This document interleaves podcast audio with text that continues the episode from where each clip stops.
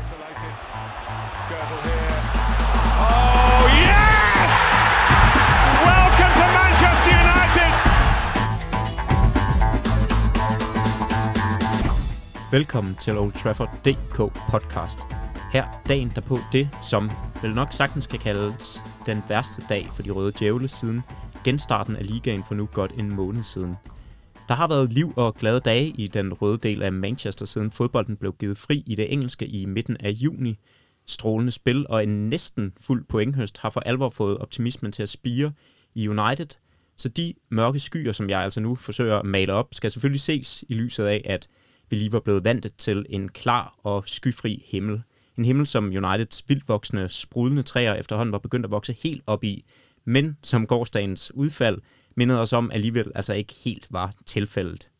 Dagen i går begyndte nemlig med meddelelsen om, at Manchester City alligevel godt må spille Champions League til næste sæson, efter at den internationale sportsdomstol CAS omstødte den dom, som UEFA ellers havde tildelt vores lyseblå Noisy Neighbors.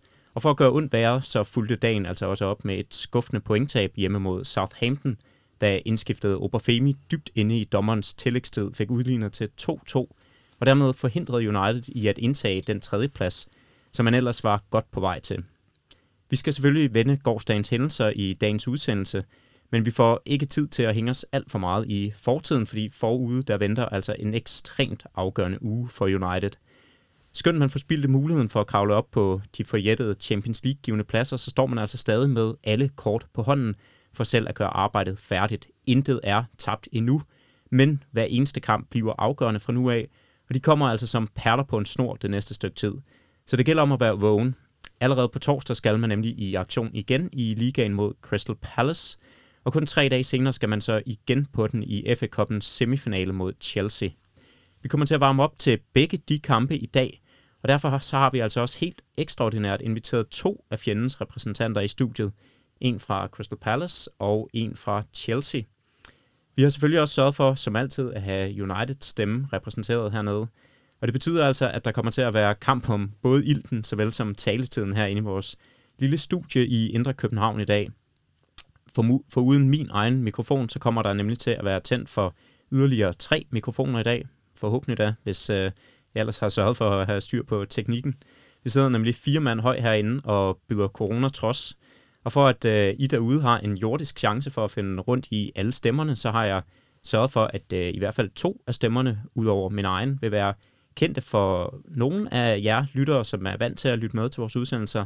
Og det er paradoxalt nok udholdendes fans faktisk, som er hjemmevandte hernede i studiet i dag. Vi har nemlig også en debutant med, som øh, i dag skal stå for at holde Manchester Uniteds røde fane højt, og det er dig, Jeppe Ørgaard. Vi kender hinanden fra Mediano Sokrates, hvor vi begge har deltaget.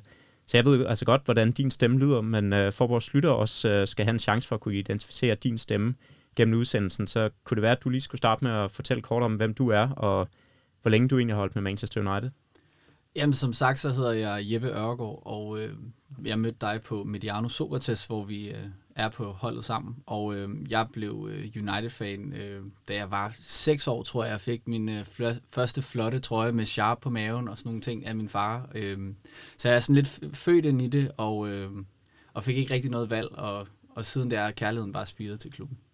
Og det er jeg glad for at høre, at den trods alt har, selvom at det, det var noget, du blev, blev tvunget ind i. Um, vi skal selvfølgelig også have repræsenteret vores øh, to øvrige gæster, som, uh, og som allerede teasede, så uh, holder de med henholdsvis Chelsea og Crystal Palace. Og uh, hver især skal de altså være vores vej ind bag fjendens linjer i dag.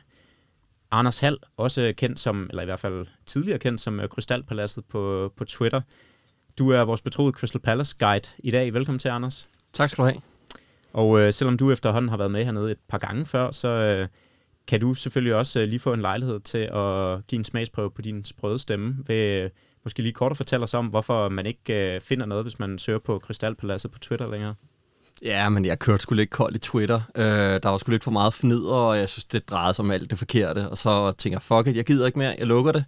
Og så gik der nogle måneder, og så tænkte jeg, det er fandme svært at følge med i Crystal Palace. Nu begyndte transfervinduet at nærme sig, og man kunne ikke følge en skid med i noget som helst. Så tænkte jeg, ah, skal jeg lave en anonym profil og bare følge med den vej? Jeg tænkte, ah, jeg bliver sikkert alligevel opdaget i sidste ende, når jeg ikke kan holde min kæft i en eller anden debat.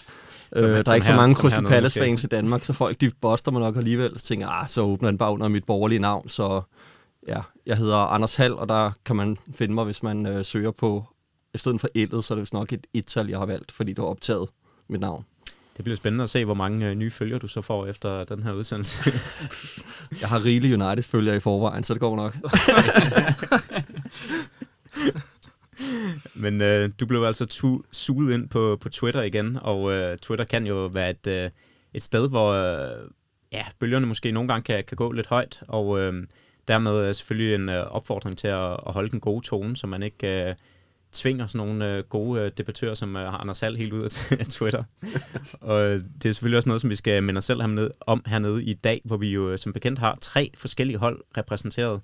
Vi har været omkring United og Crystal Palace, og det sidste hold, det er selvfølgelig Chelsea.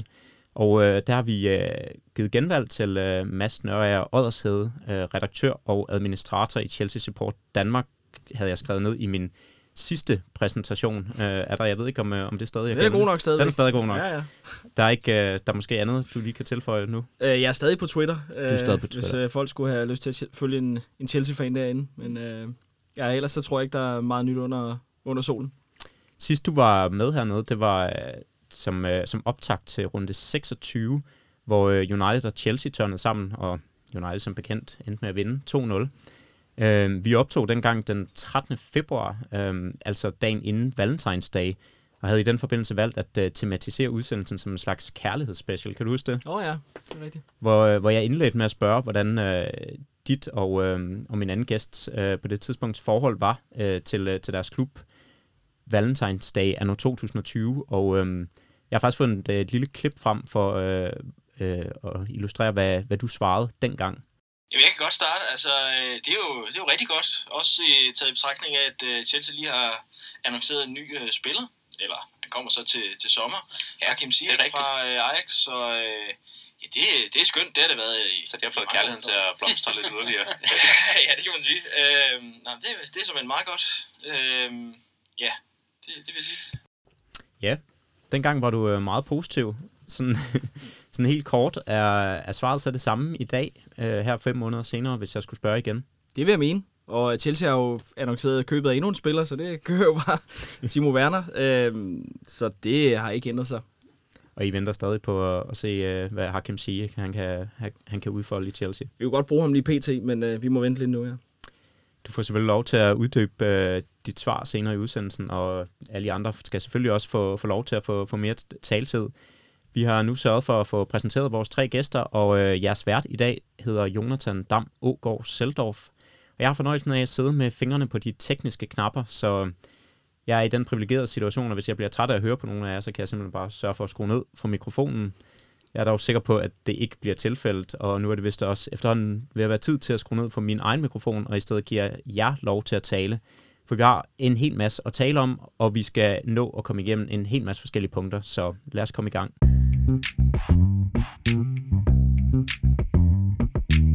Og vi begynder øh, med lidt øh, let opvarmning. Øh, en af de ting, som jeg ikke har givet jer mulighed for at forberede jer på til dagens udsendelse, men øh, jeg vil godt lige smide øh, fem hurtige lynspørgsmål i jeres vej, hvor øh, jeg bare skal bede om et øh, ganske kort øh, ja eller nej svar.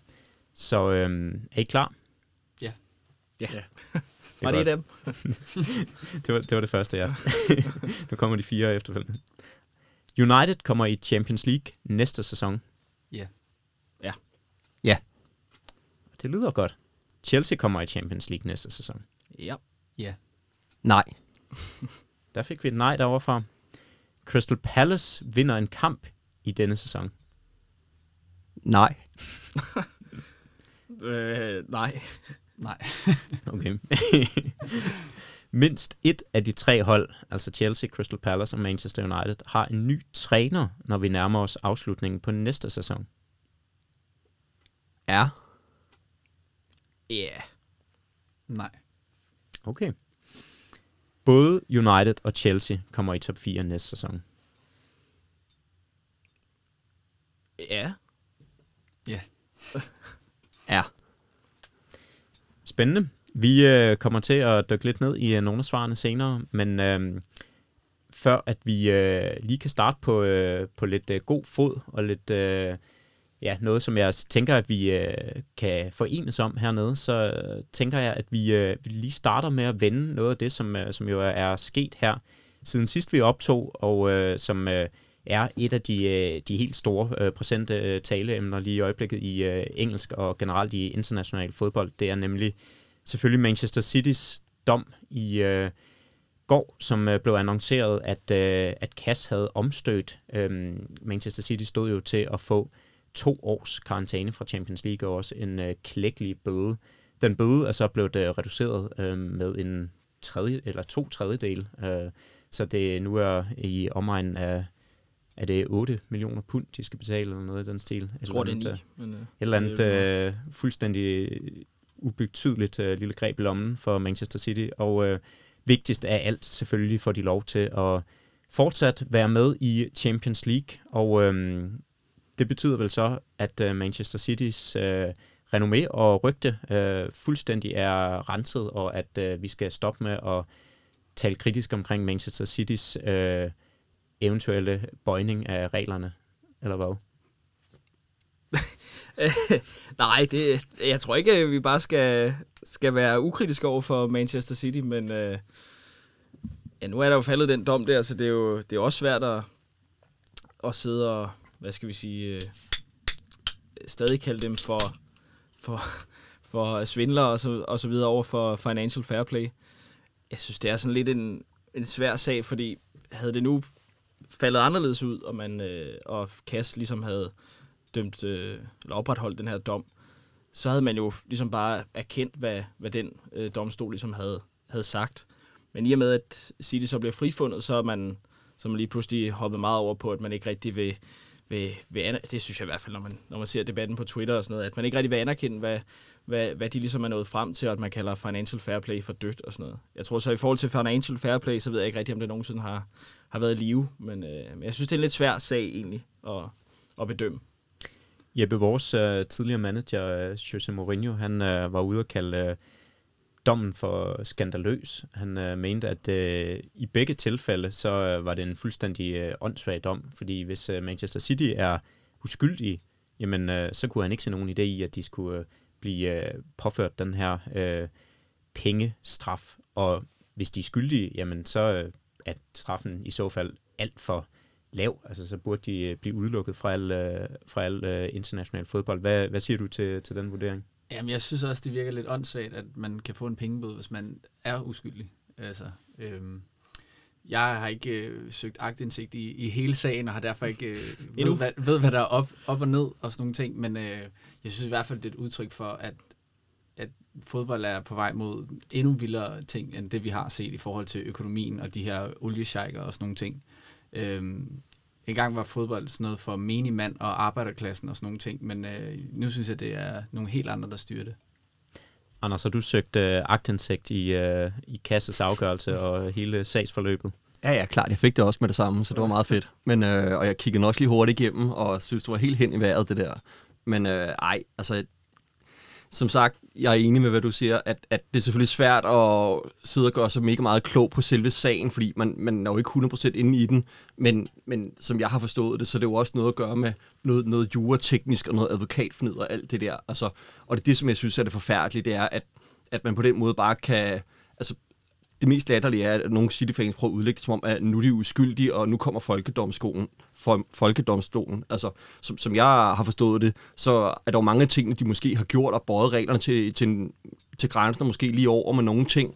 Øh, og det gør bare, altså, som du siger, at den der måde, den romantiske forestilling om fodbold, den har jeg bare, det er mange år siden, jeg har givet slip på den, og det her, det var bare det sidste søm i kisten, hvor øh, ja, jeg synes efterhånden, som jeg også skrev på Twitter, jeg er sgu næsten ligeglad efterhånden om Palace røg ned i Championship, fordi det er sgu en fed liga, og der, det er sgu meget fedt dernede, synes jeg. Altså, øh, alt det der Premier League, en masse penge, og Champions League, og VM i fodbold i Katar, og 4.000 mennesker er døde for at bygge de der stadion, så alt det der omkring moderne fodbold, det er så pisse træt af, for at være helt ærlig. Altså, det, det er alt det, jeg havde ved fodbold, og ja, det, det, er bare, jeg, det er super trist for fodbolden, og jeg kan også godt forstå, at der sidder nogle klubber, der sidder nogle Milan-fans og nogle Roma-fans og andre folk, der føler sig ret truffet over det her, fordi de har måske en klub, som måske er blevet dømt for noget omkring financial fair play, og øh, der er også nogle klubber måske, der har solgt nogle spillere for at undgå at komme over det her øh, vindue omkring financial fair play, og øh, de, de må sidde og føle sig ekstremt dumme i dag, når der er andre, der bare er på den måde. Altså, for uanset hvad, hvad reglerne er, så kan man jo se på deres budget, det er jo fuldstændig sindssygt, så mange penge de har brugt, og det hænger deres sponsorindtægt jo ikke sammen med. Og så det var, jeg ved godt, det kan noget med det at gøre, men at bare det der, de ejede et diktatur, det synes jeg er så latterligt altså. Men hvis man skal prøve sådan at holde øh, tingene lidt for, øh, øh ad, øh, adskilt, og så kun forholde sig til financial fair play-delen øh, i det. Altså som du siger, Anders, der er nogle hold, der sidder derude og må føle sig rimelig dumme i forhold til at have solgt øh, vigtige profiler og øh, undladt at, at hente store øh, navne til i øh, deres bestræbelse på at overholde de her financial fair play-regler. Når man nu ser sådan en dom her, at UEFA i, øh, i tilfælde, hvor, hvor nu kan, har, har jeg heller ikke øh, søgt aktindsigt, skal det retfærdigvis sige, så, så, så jeg, og jeg har heller ikke øh, nogen juridisk øh, baggrund for at kunne øh, gå ind og, og vurdere, om, om det, som blev fremlagt i, øh, i, i forbindelse med de her Wikileaks, om det var øh, noget materiale, som, som var tilstrækkeligt øh, ja, øh, altså til, til, tilstrækkeligt øh, godt rent juridisk til at kunne få Manchester City dømt. Men faktum er jo, at UEFA i første omgang har, har, har set på det her materiale, vurderet, at der var blevet øh, begået nogle, øh, nogle lovovertrædelser, og har idømt dem en straf, en straf, som så i sidste ende viser sig at blive totalt overrulet. Hvad vil det her komme til for jer at se og betyde for fremtiden for Financial Fair Play? Vil man se klubber måske være lidt mindre bekymrede for, at der vil falde en straf i, øh, i sidste ende, hvis, øh, hvis ikke man lever op til de her kriterier? Jeg tror ikke, klubberne på noget tidspunkt har været sådan mega bekymrede. De selvfølgelig gør de noget for at, at forsøge at overholde det, men i sidste ende, der handler det om at, at have det bedste hold. Øh, det er det, der, der er det vigtige. Og øhm, du kan se på andre klubber, så, øh, så må de ikke øh, hente spillere ind i næste transfervindue. Barcelona for eksempel, så får man lige lavet noget advokatfnider, som du kaldte det, og sørget for, at der går lige et halvt år, så man lige kunne få hentet de spillere, man manglede og sådan nogle ting. Så jeg tror ikke på den måde, at klubberne har så meget respekt for financial fair play, hvis jeg skal være ærlig. Jeg ved ikke, altså, det adskiller sig jo ikke så meget fra resten af, hvad skal vi sige, samfundet, at øh, selvfølgelig spiller man de kort, man nu engang har, og altså, det er jo, øh, som jeg også prøvede at sige før, så øh, kan man jo ligesom, altså det er jo, det er jo det, den mulighed, fodboldklubberne har, er at, øh, at anke sådan en sag, sådan en afgørelse til, til KAS. Øhm, altså, jeg, jeg, sy- jeg synes stadig, det er svært at, at vurdere, fordi, også fordi vi, vi sidder jo også her rundt om bordet og siger, vi, vi kender ikke detaljerne, men det er noget lort, den afgørelse der. Det er sådan lidt, mm. det, det bliver lidt let købt i mine øjne du har jo nok ret, Mads, omkring, at, at det er jo nok også bare, fordi der er en masse ting, der irriterer en ved det, og så er det også, fordi vi ligesom har kunne følge med i sagen omkring alle de her leaks, der har været, hvor man har set en masse bevismateriale, som, som virker jo som om, de har været gode nok. Det er jo åbenbart ikke bare ikke holdt i retten, men derfor virker du stadig til det, det der er sket. Det er jo bare sådan rent, altså teknisk holder det jo ikke i retten, åbenbart. Og det må man selvfølgelig respektere, det er jo en domstol, men, men det gør bare stadig min tro på fodbold, men det er jo generelt, altså med alle ting i livet. Altså, hvis du er ekstremt meget rig, og du har ekstremt meget magt, jamen, så kan du komme ud af mange ting, og det er bare den måde, samfundet bygger op på, og det gør bare, at man mister troen på, på de der instanser i sidste ende, og det synes jeg er super uheldigt.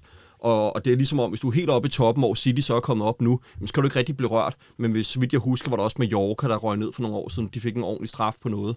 Altså, hvis du, har en, hvis du ikke er, er helt oppe i Superligaen for, for de største klubber, så tør de godt ligesom gå efter dig. Men det er ligesom om, at nu er City åbenbart kommet helt derop, og nu kan de komme ud af det, fordi de er så rige, som de er, og de har en utømmelig pengetank. Og, og så er det bare sådan, det er, øh, og det synes jeg bare er super ærgerligt. Altså.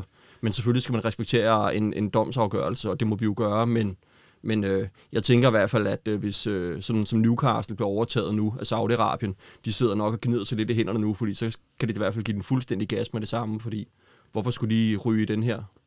Ja, jeg synes også, det er en god point, det her med, at, at konklusionen må være, at vi synes, det er pisseirriterende, at, at øh, de på en eller anden måde kommer ud af det, uden at vide, om, om de, hvor slemt det egentlig står til. Altså det, det er, som du siger, ikke øh, så charmerende for fodbolden, at, at øh, det er sådan nogle ting, der, øh, der er vigtige, som at, at have en øh, sheik bag sig, som kan, kan redde sig ud af alle situationer, uden at vi egentlig ved om øh, alle detaljerne i sagen, kan man sige.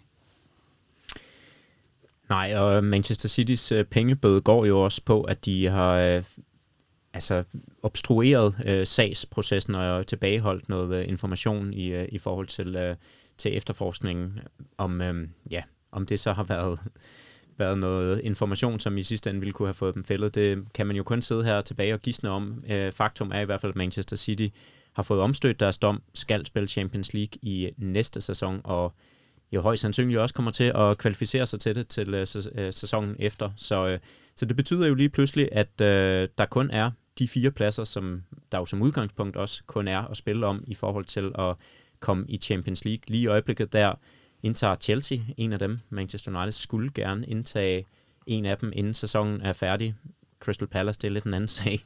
Men hvis jeg nu skal spørge jer sådan øh, overordnet set, og I forholder jer til, øh, til hele sæsonen, og der, hvor jeres hold befinder jer nu, hvordan vil I så egentlig rangere jeres holds sæson her, øh, ja, lige inden lukketid på den her sæson, øh, på en skala fra, fra 1 til 10, hvis jeg starter med, øh, med dig, Anders, og Crystal Palace's sæson?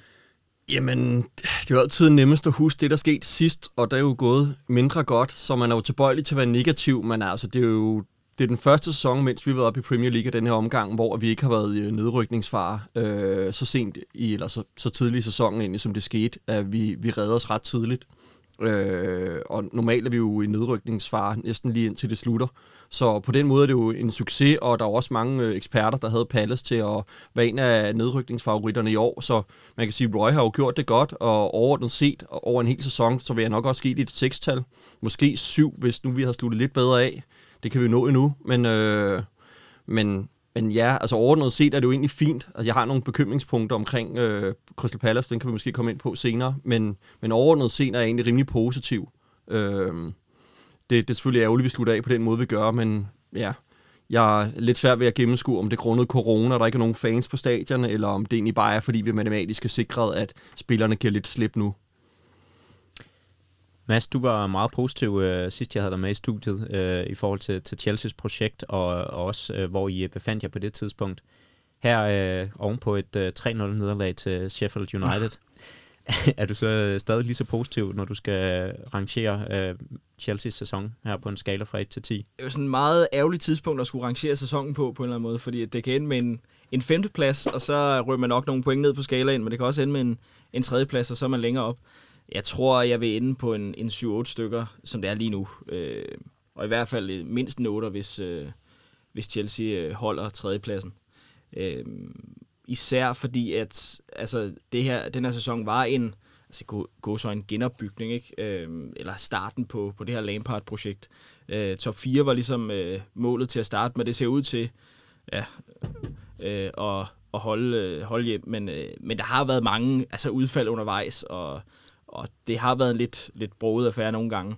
Øh, men man kan også se, at vi er stadig med i, i FA-koppen og ja, principielt Champions League, men, øh, men det er vist også kun principielt. øh, men der kan man videre fra gruppespillet, som også var, var den erklærede målsætning. Så, så indtil videre er, er man jo ligesom kommet i mål med det, man har, man har sat sig for. Så sådan 7-8 stykker umiddelbart. Så hvad er så målet for sæsonen her, øh, hvis man ser på, på slutprogrammet? Jamen helt klart en, en top 4. Øhm, gerne en, en, en tredje plads, ikke? Øhm, og så kunne det være sjovt at, at komme øh, hele vejen i, i finalen, og måske endda vinde øh, FA-koppen. Det ser nu øh, virkelig lidt en kende usandsynligt, men, øh, men ja. Hvis nu Chelsea ryger ud til Manchester United her øh, på, øh, på søndag i, i FA-koppen, og også ryger øh, ud af top 4, altså ikke sikrer sig Champions League til næste sæson, vil det så være en, øh, en skuffende sæson overordnet set for Chelsea og for det her Lampard-projekt?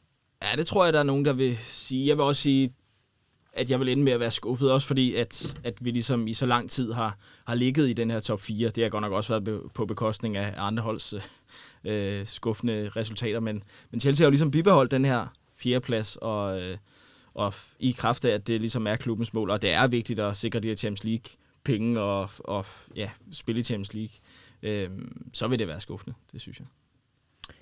Hvad siger du, Jeppe? Nu øh, spørger jeg jo dig. Øh, omvendt, øh, Mads, spørger jeg dig lige oven på en, øh, en ret så øh, overbevisende øh, periode for Manchester Uniteds vedkommende. Hvordan, øh, hvis man skal se sæsonen som en helhed dog, vil, vil du så rangere den egentlig? Jeg, øh, jeg vil rangere den omkring 6 eller 7. Øh, og det kommer meget an på, som du også nævner, Mads, om de kvalificerer sig til Champions League. Øh, det er så vigtigt for øh, klubbens selvforståelse og for det, det kommende transfervindue, øh, at der er det lidt nemmere at, at lokke med, øh, med Champions League, plus de penge, man får for det også. Øh, jeg synes, der har været rigtig positive øh, takter efter øh, Bruno Fernandes er kommet til. Der begynder offensiven virkelig at, at se godt ud, og han øh, har haft en, øh, en sindssygt god indflydelse på Uniteds udtryk offensivt. Øh,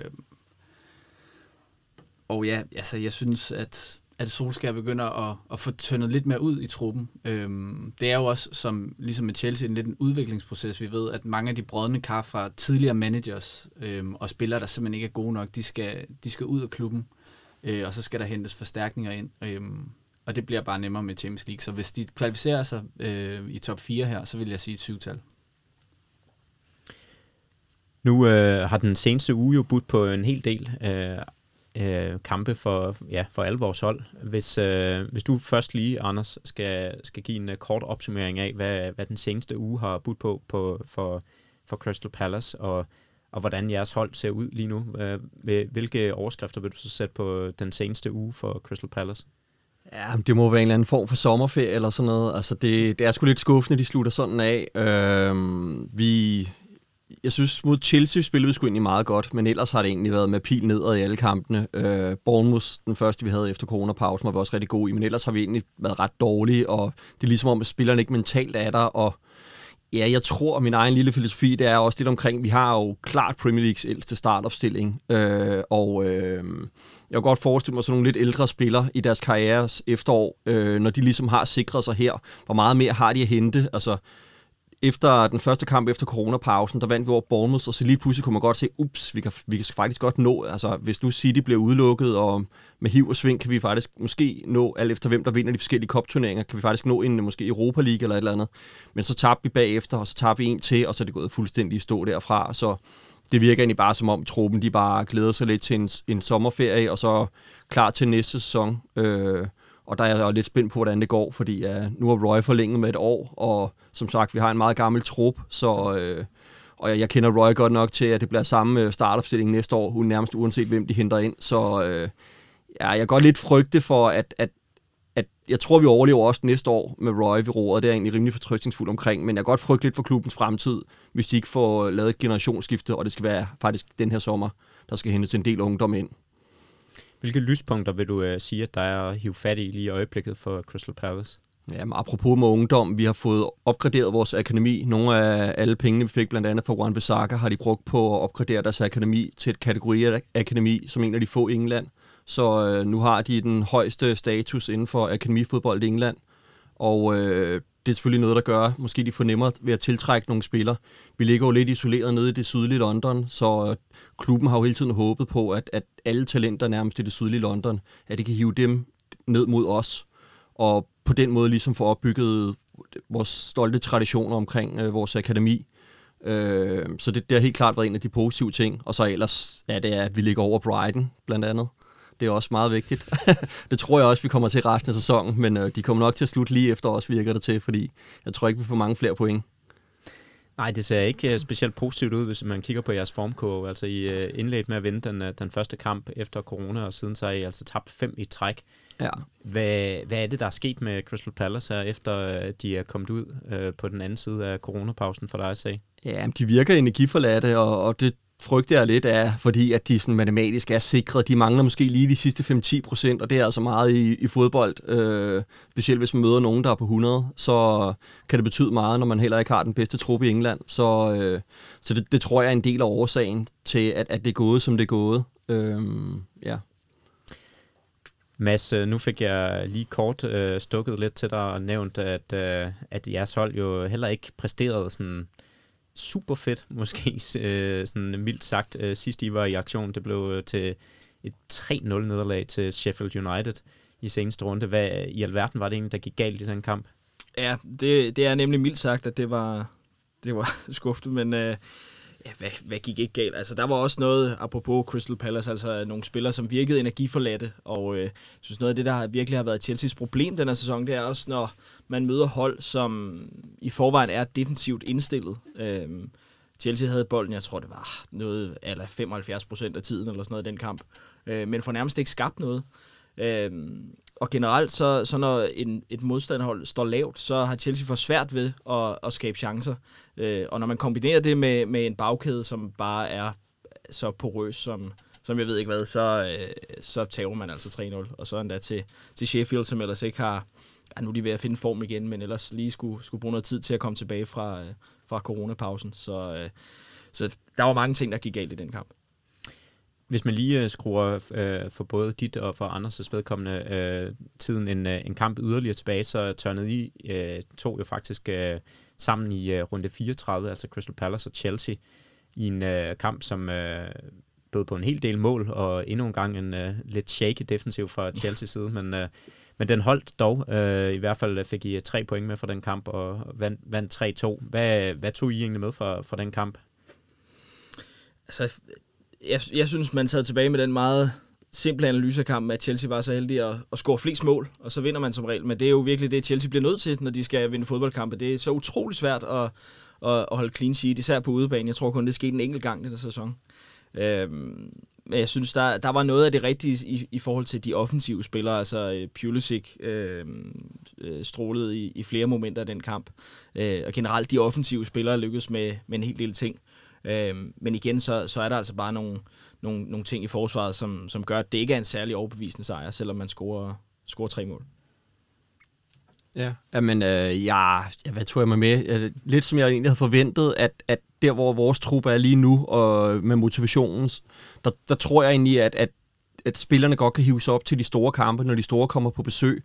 Og, og det er også det, jeg lidt frygter måske med jeres øh, øjne, United-fans, det er, at, at Palace godt kan hive sig op til den kamp, og så resten, det bliver måske lidt en gang blandet bolcher, fordi uh, at de virker til, at de er stemplet ud, men jeg tror godt i de store kampe, hvis, hvis kampen øh, ja, tipper på den rigtige måde, så, så tror jeg godt, de kan hive sig op til, til noget, og, og, og Palace er bare ekspert i at drille de store hold, og så er vi bare ekspert i at dumme os i de kampe, vi burde vinde. Sådan har det nærmest været altid. Altså. Så øh, vi, vi er sådan irriterende hold, tænker jeg, for, for de store hold at møde, og, ja, og for dem, der spiller på odds og lignende, der tænker vi er et mareridt, fordi ja, ja, vi kan tabe de mærkeligste kampe nogle gange. Altså. Så. Nu har vi jo, øh, har vi jo den... Øh ja, det privilegium, at, øh, at vi har to øh, af udholdets fans med, og, og dermed altså to øh, scouts for, for de to kommende kampe, som øh, Manchester United jo står overfor, øh, og at I netop har mødt hinanden i, øh, her i en, øh, i en kamp for nylig. Hvis I skulle prøve sådan at, at fremhæve hinandens styrker og svagheder, og måske holde det til, øh, ja, til bare et par stykker, øh, hvilke, hvilke styrker vil du så øh, fremhæve øh, hos, øh, hos Chelsea, Anders, i, øh, ud fra ja, selvfølgelig det, du har set her hen over sæsonen, men også øh, i særdeleshed det, som øh, du oplevede i kampen mod Crystal Palace? Ja, men altså det er jo, som jeg siger, altså det er, det er der offensiven, altså det er der Chelsea, de er rigtig spændende, og de har nogle virkelig spændende spillere, og de, har, de kommer med en høj fart, øh, synes jeg, og de spiller bare engang spændende fodbold. Jeg synes faktisk, de minder ret meget om United, for det ikke skal være løgn. Altså, det er, det er to hold, der vil Bare med en lidt mere shaky defensiv måske. Ja, ja det er det, det er det nok. men, men ja, altså jeg synes faktisk, de minder en del om hinanden, altså sådan, hvor klubberne står, og det, de er ved at genopbygge, og det er med en masse ungdom, og de vil meget gerne frem af banen, og det går rigtig hurtigt i de der omstillinger. Øh, og, øh, ja. Så, men for at være helt ærligt, jeg har ikke set så meget Chelsea på det seneste, så, men, øh, men, men jeg synes, altså de er et sindssygt spændende hold, og de spiller, jeg spiller en, faktisk en fed gang fodbold, kan jeg meget godt lide. Jeg kan i hvert fald bedre lide dem nu, end jeg kunne lide under Conte og, og Sardi og sådan. Jeg, ja, jeg, jeg synes egentlig, det, det Chelsea, vi ser nu, det, det, hvis jeg var Chelsea-mand, ville det var det Chelsea, jeg helst ville have. Hvad siger du det er om? enig i. Hvad siger du om, men Mads, hvilke, hvilke ting skulle man øh, være bekymret for, eller i hvert fald øh, forberede sig på som, øh, som United, øh, når man, man møder Crystal Palace ud fra det, du har set? Uh, man skal vel bare mandsopdække Wilfried uh, Sahar, så, så tror jeg, man er meget godt kørende. Lad være med at lade ham skyde fra 30 meter eller sådan noget. jeg tror, det går meget godt. Men altså, jeg synes også, ja, det er begrænset, hvad jeg har set af Crystal Palace, må jeg også indrømme. Så, uh, så Ja, jeg, jeg tror ikke, at min analyse bliver, bliver til, til kamp for særlig mange, hvis jeg nu skal være helt ærlig. Så øh, begræns Wilfred Zaha, så er man rimelig godt kørende. Ja. Omvendt øh, de, de negative punkter, hvad, hvad, hvad så du, øh, Anders, mod, øh, mod Chelsea, som, øh, som fik dig til at få, få blod på tanden? Jamen, altså det er jo, at, at de kører os jo næsten midt over i starten, og så alligevel bliver vi lukket ind, og så kan man jo se, at de bliver døde nervøse nede bag i, og, og som Mads siger, det er, ikke, det er ligesom det er ikke rigtig afstemt nede bag hos Chelsea. De kan ikke rigtig finde en rigtig formel, og de bliver ved med at skifte ud på de centrale forsvarspositioner. De kan ikke rigtig finde, hvad formlen skal være, og de har også en målmand, som godt han har kostet mange penge, men han er godt nok usikker. Så øh, det, altså, det er den måde, man skal presse øh, Chelsea på. Altså, jeg tror, altså, det, det er meget et mindgame, kunne jeg forestille mig med Chelsea i øjeblikket. Altså, øh, hvis øh, United de kommer til at dominere den kamp, så tror jeg også, at Chelsea vil blive godt nervøse. Øh, så øh, det, det gælder lidt om at overfalde dem, tror jeg, i starten, og gøre dem usikre, fordi øh, det er ligesom om, at, at øh, hvis, hvis de kan lade offensiven tale igennem sådan en kamp, så, så fungerer det sgu meget godt for dem. Men, men hvis det er ligesom om, at United får kontrollen i kampen, så tror jeg, at, at, at øh, Chelsea de vil blive rigtig nervøse nede bag i. De, de er ikke så gode til at stå og parere, modsat Palace eksempelvis. Vi er rigtig gode til at stå nede bag i og tage imod slagene, og så ligesom køre nogle, øh, nogle omstillinger. Det kan Chelsea ikke rigtig finde ud af. Altså, så øh, hvis det gælder om at få kontrollen i kampen, vil jeg mene, over for Chelsea. Er du enig i den analyse, Mads? Ja, meget. Også øh, fordi altså, der, har jo, der har jo været talrige eksempler på, at det netop er det, der er sket. Altså, husker en kamp mod, øh, mod Arsenal, hvor, øh, hvor Chelsea virkelig bliver ramt på de her omstillinger.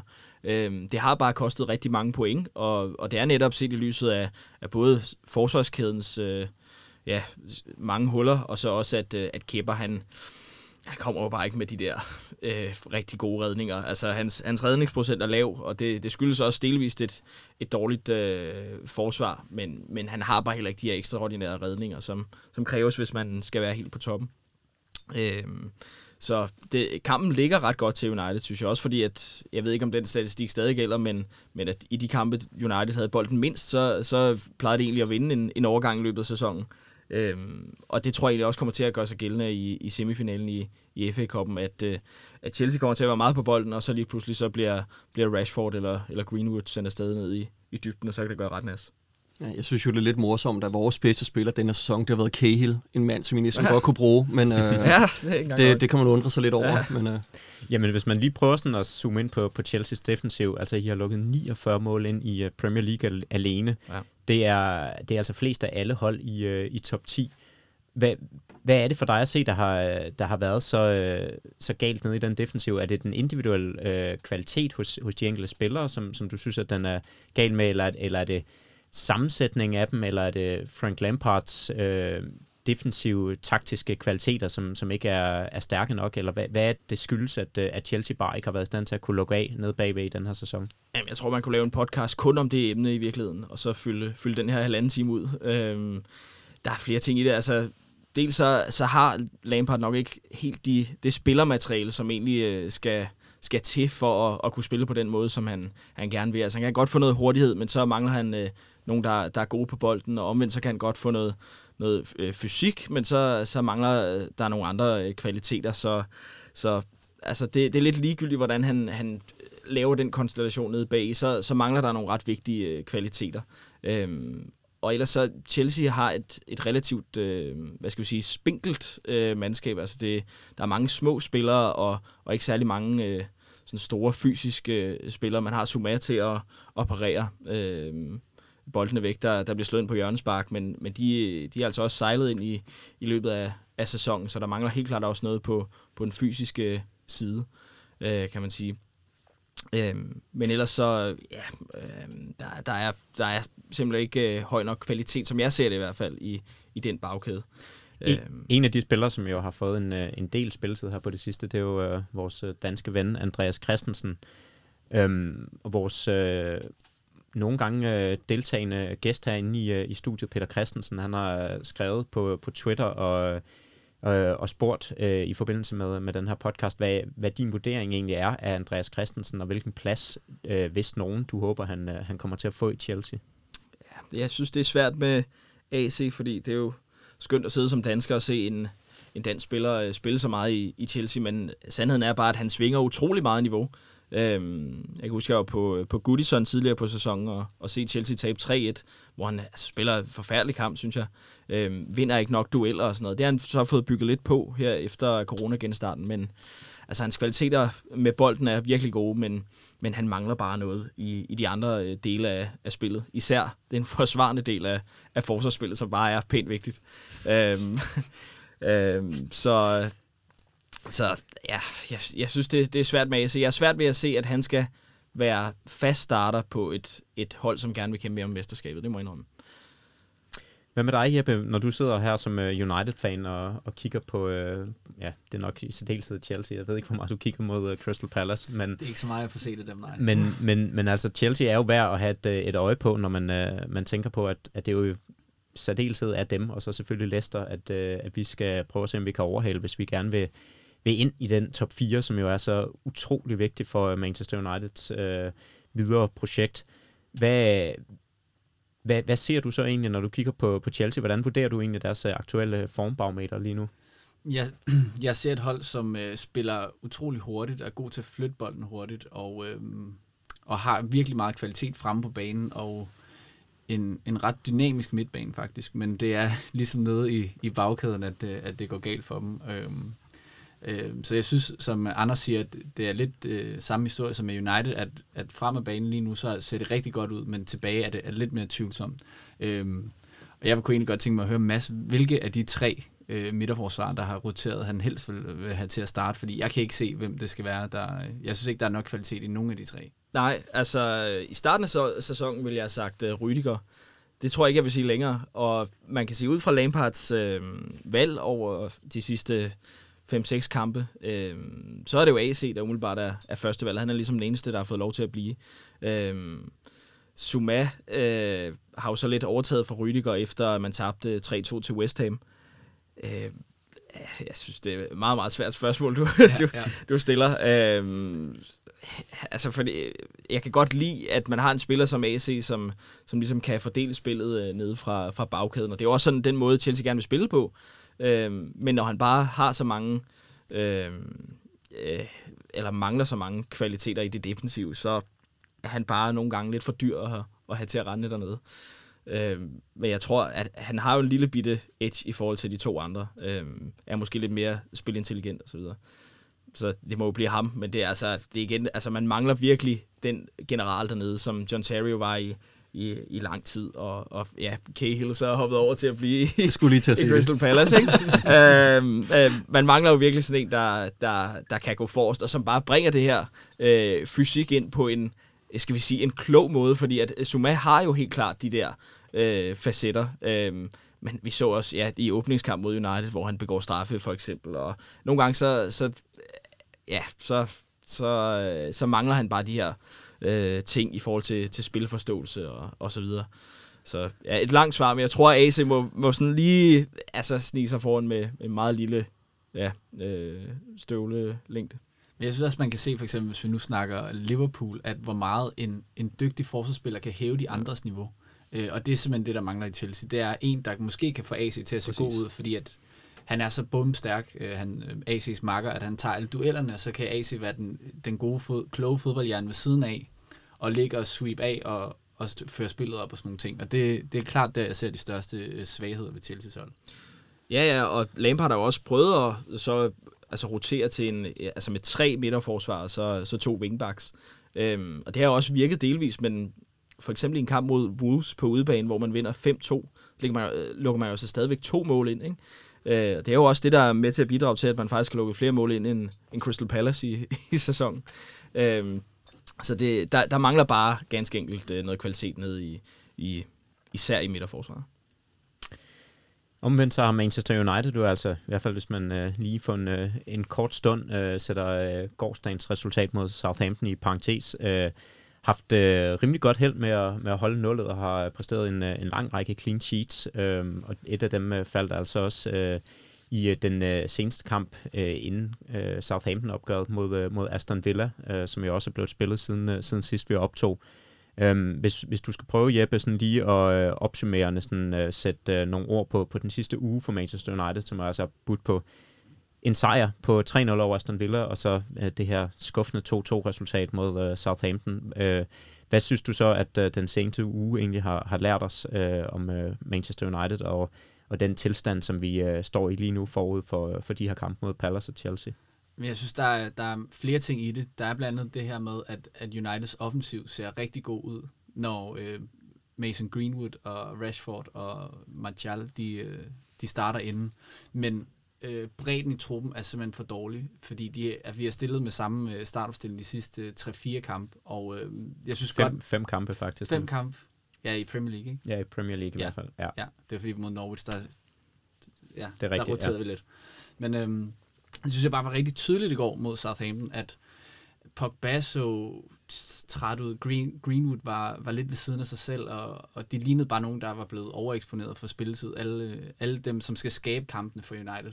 Og det, og, hvad skal man sige, skridtet ned til de næste, som jeg nævnte tidligere, det er bare for stort, og det, det er også det, der koster dem lidt i går. Øhm, Udover det, så kan Uniteds offensiv gøre ondt på, og kommer til at kunne gøre ondt på alle hold i, i næste sæson også. Øhm, og det, det så man mod øh, i 3-0-sejren over Aston Villa. Øhm, og så synes jeg også i går, at der manglede noget kynisme. Altså når man er foran 2-1 mod Southampton øh, i 90. minut, så skal man kunne holde den. Øh, Wayne Rooney han sagde engang, at hvis du skal blive mester, så skal man vinde mange gange 1-0. Øh, og hvis man overfører det til United-situationen lige nu, jamen så hvis du skal være med i top 4 og i toppen af Premier League, så skal man kunne forsvare sådan en føring hjem, også selvom man ikke spiller særlig prangende i, i store dele af en halvleg for eksempel. Men jeg synes, jeg synes du, øh, du siger det meget godt i forhold til, hvad det var, i hvert fald for mig at se med, med mine øjne, der gik galt i, i kampen mod Southampton, at man på den ene side har fundet ind til den her kerne, som er utrolig positiv, øh, og som jo også har, har skaffet os en uh, lang række gode resultater. Det er jo selvfølgelig også derfor, at Ole Gunnar Solskjaer øh, har været så, øh, så, øh, afvisende over for at skulle, øh, skulle rotere, fordi never change a winning team, og man må sige, det har fungeret det, som, øh, som man har, har spillet med de seneste par kampe, men det var også bare tydeligt øh, i kampen mod Southampton, at der var mange spillere, der så, så trætte ud. Der var... Øh, altså ved at være lidt øh, flade batterier hos en, en lang række spillere, var det for dig at se øh, en fejl, at Ole Gunnar Solskjaer ikke øh, enten roterede øh, i startopstillingen, eller ikke skiftede ud noget før? Mm, ja, så det er jo nemt at være bagklog, men jeg vil sige ja. I, især det her med at skifte ind noget før, fordi at i, da man begynder at tabe grebet om kampen i anden halvleg, der skal han reagere hurtigere og, og få, få ændret på det og få noget mere energi ind. I, især ind på midtbanen, nogen der kan, kan bidrage til den energi, der gør, at, at man kan hamle op med, med nogen, der ikke har spillet i samme startopstilling i fem kampe i træk. Øhm, og, øh, og nogen, der kan holde lidt bedre, bedre fast i bolden. Altså Southampton var jo klart mest på bolden i, i anden halvleg, og, og der begyndte man også at sidde og tænke, altså forsvare en 2-1-føring, efter at man har gennembanket hold de sidste fire kampe, det, det virker lidt mærkeligt, men, øh, men jeg tror simpelthen, at det var var på grund af flade batterier. Jeg kan så godt følge øh, Solskjaer i det her med, at, at det har fungeret så sindssygt godt, øh, at, at det er svært at se, hvad man skulle ændre, fordi han er jo også godt klar over, at kvaliteten daler, hvis han, øh, han skifter på de forreste positioner, for eksempel. Ja, og to af de spillere, som man øh, sad og tænkte øh, netop havde rimelig flade batterier i kampen, det var Paul Pogba og, og Bruno Fernandes, men det var så også to spillere, der blev skiftet ud, og øh, jeg har fundet nogle stats, som, som viser, hvor stor en forskel det egentlig gør for Manchester United, om, øh, om de spiller med de bedste spillere eller de næstbedste spillere. Fordi selvom at det ikke kørte øh, super godt for Manchester United i, øh, i store perioder af kampen mod Southampton og blev presset i bund, så havde Manchester United altså en ball possession på 55,3 ind til det punkt, hvor Paul Pogba bliver skiftet ud. Vores øh, ball possession efter at Pogba bliver skiftet ud, den er på 36,8. Og hvis man ser på vores boldbesiddelse efter at Bruno kom ud, så lå den på 16,2. Så det er altså, selvfølgelig ved jeg godt, at øh, statistik kan, kan være taknemmelig nogle gange, og Bruno blev skiftet ud i, øh, i de øh, sidste øh, minutter af kampen, hvor, hvor Southampton højst sandsynligt under alle omstændigheder havde, havde fået øh, sat et, et massivt tryk ind. Men det fortæller også noget omkring, hvor, hvor afgørende de her spillere er for, for Manchester United, og, og måske i endnu højere grad, hvis øh, de, de offensive øh, tre kort, øh, Martial, Bruno, øh, undskyld, Martial, øh, Greenwood og, og Rashford. Men nu står vi altså øh, efter en kamp mod Southampton og tænker, at, at der var en lang række spillere, som så fuldstændig flade ud. Vi har en kamp her øh, øh, torsdag mod øh, Crystal Palace, har så en kamp igen søndag mod Chelsea. Øh, kan, kan United, altså har, har de råd til at blive ved med at spille med de samme spillere, eller ender det med at gå galt på et tidspunkt? Altså må man ikke på et eller andet tidspunkt rotere for, at, at man ikke risikerer, at øh, en eller anden spiller går fuldstændig i stykker, eller at, øh, at vi taber til Crystal Palace, og så alligevel står med en fuldstændig flad trup øh, til kampen mod Chelsea?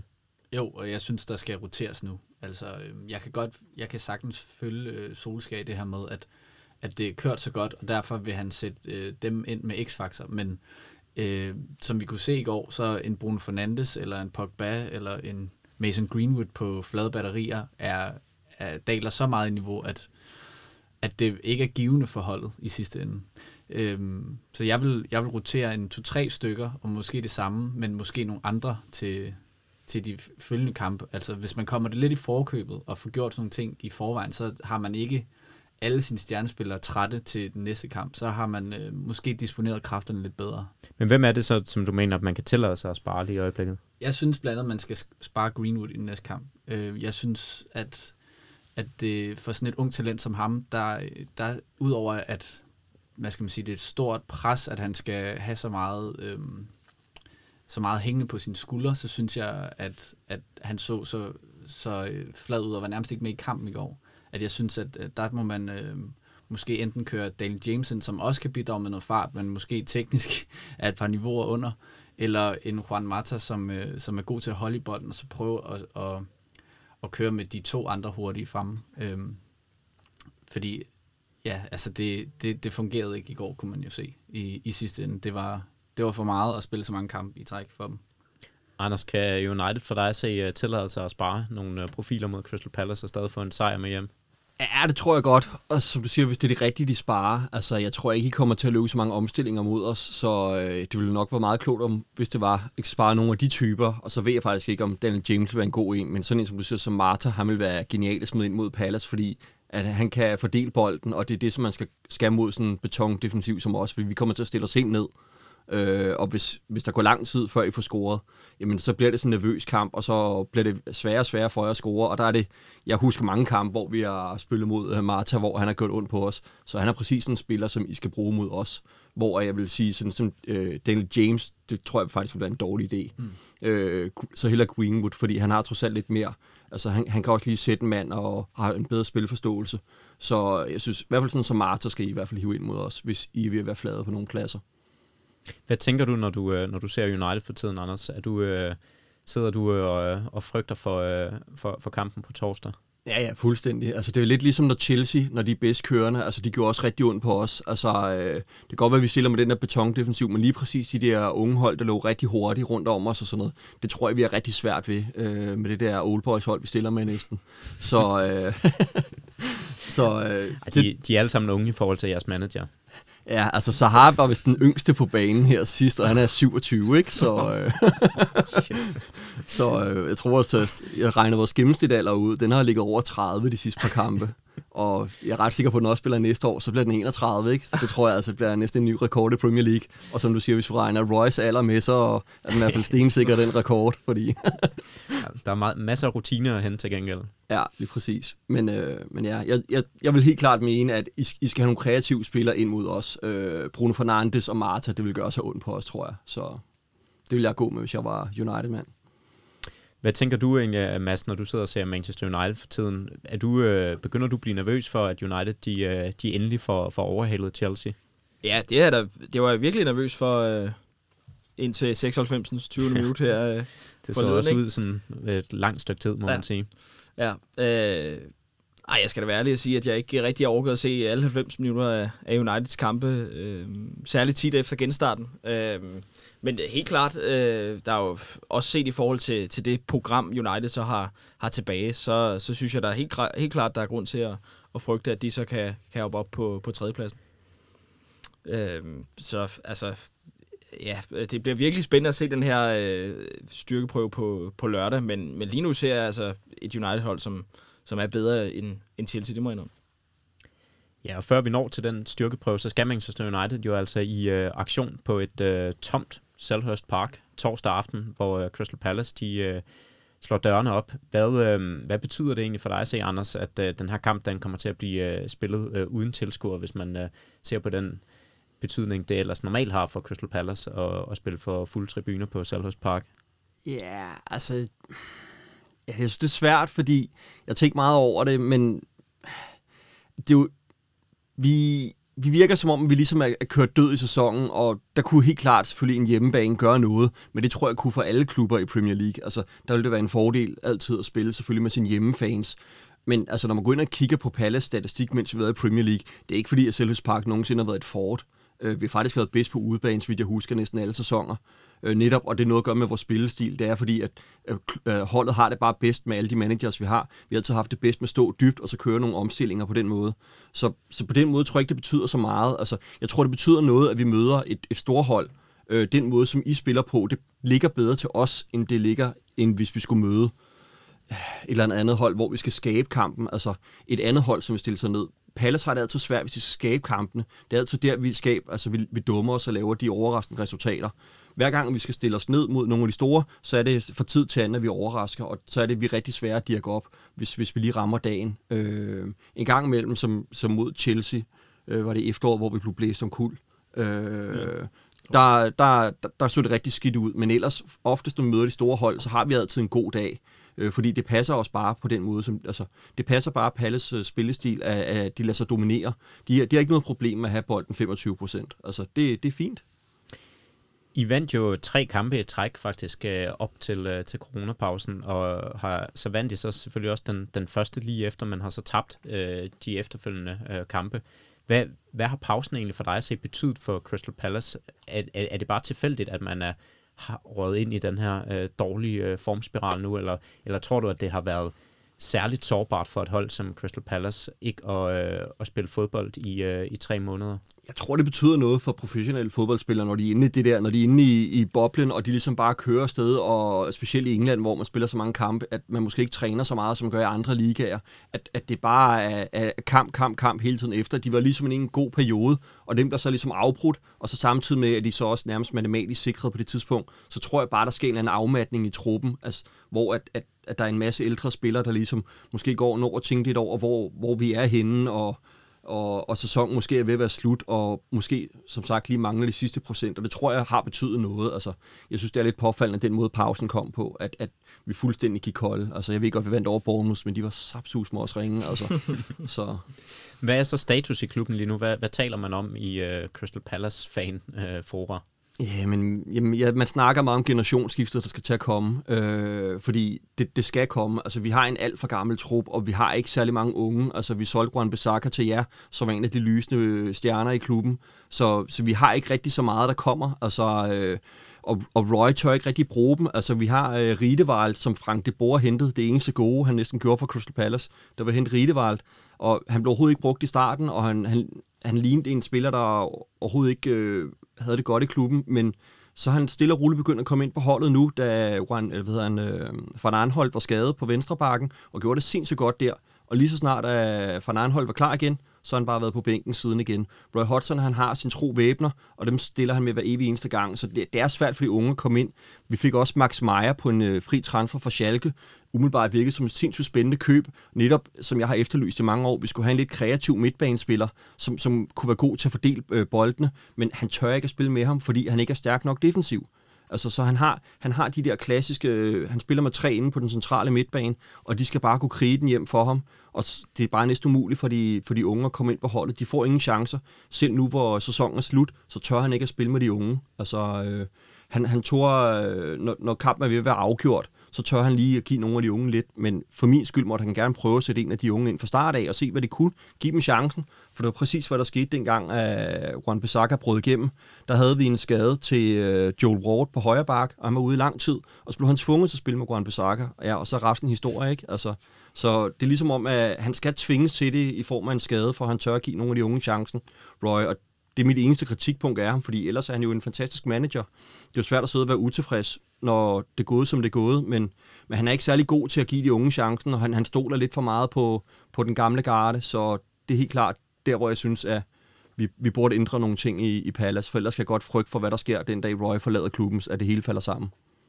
Hvem er det så, der har været øh, omdrejningspunktet til gengæld, og øh, øh Roy Hodgsons to væbner i, øh, i den her sæson for Crystal Palace? Ja, det, det er det klassiske. Altså, så har jo faktisk været lidt skuffende i år. Han har svinget utrolig meget. Jeg tror, altså, han har jo også indrømmet i et interview, jeg så på... Hvad, hvad var det? Var det Sol Campbell? Eller der var en eller anden, der havde et eller andet... Øh, YouTube-program eller et eller andet, han var med i, hvor han indrømmede, og det har rygterne kørt på i mange år, han er Arsenal-fan og har altid været det og det gjorde sindssygt ondt på ham, at han ikke fik sit drømmeskift. Det er hans yndlingsklub, der gerne vil købe ham, og så fik han ikke skiftet, fordi Palace ikke ville sælge ham, og Arsenal ikke ville byde prisen, nok den sande historie.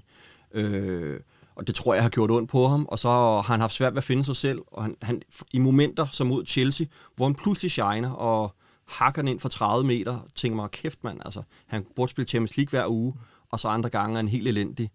Men, men det er de klassiske, altså, øh, Van hold, har faktisk været virkelig, virkelig god i år, øh, og øh, James MacArthur inde på midten, øh, han er altid god.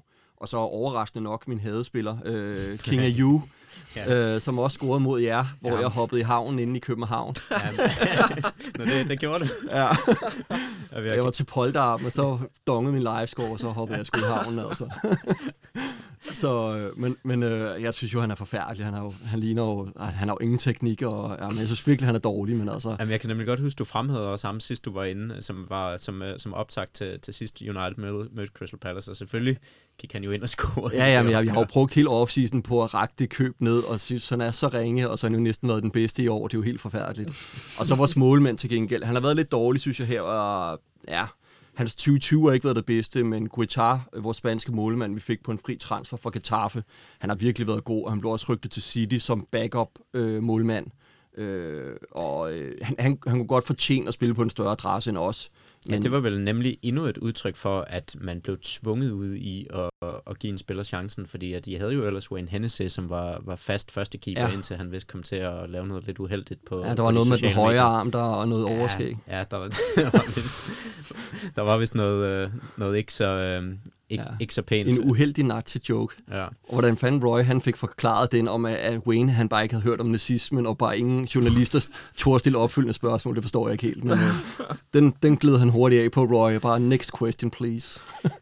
Ja, men der kom så alligevel øh, på de interne linjer trods alt en uh, reaktion. Øh, ja. og, altså, siden det har, har han overhovedet spillet en kamp for... for ja, ja, han var jo med her. Hvad var det?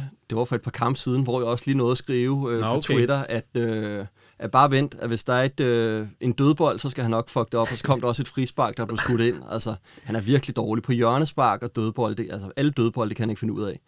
Men han har sine momenter, og han er en udmærket målmand, og han er også for god. Altså, han er helt klart for god til at være reserve i øh, Crystal Palace. Altså, han burde, han burde nok være først, første målmand i en championship-klub, vil jeg mene. Øh, måske en oprykker, som ikke rigtig har en god målmand, men, øh, men han, han er en fin målmand, altså det er han.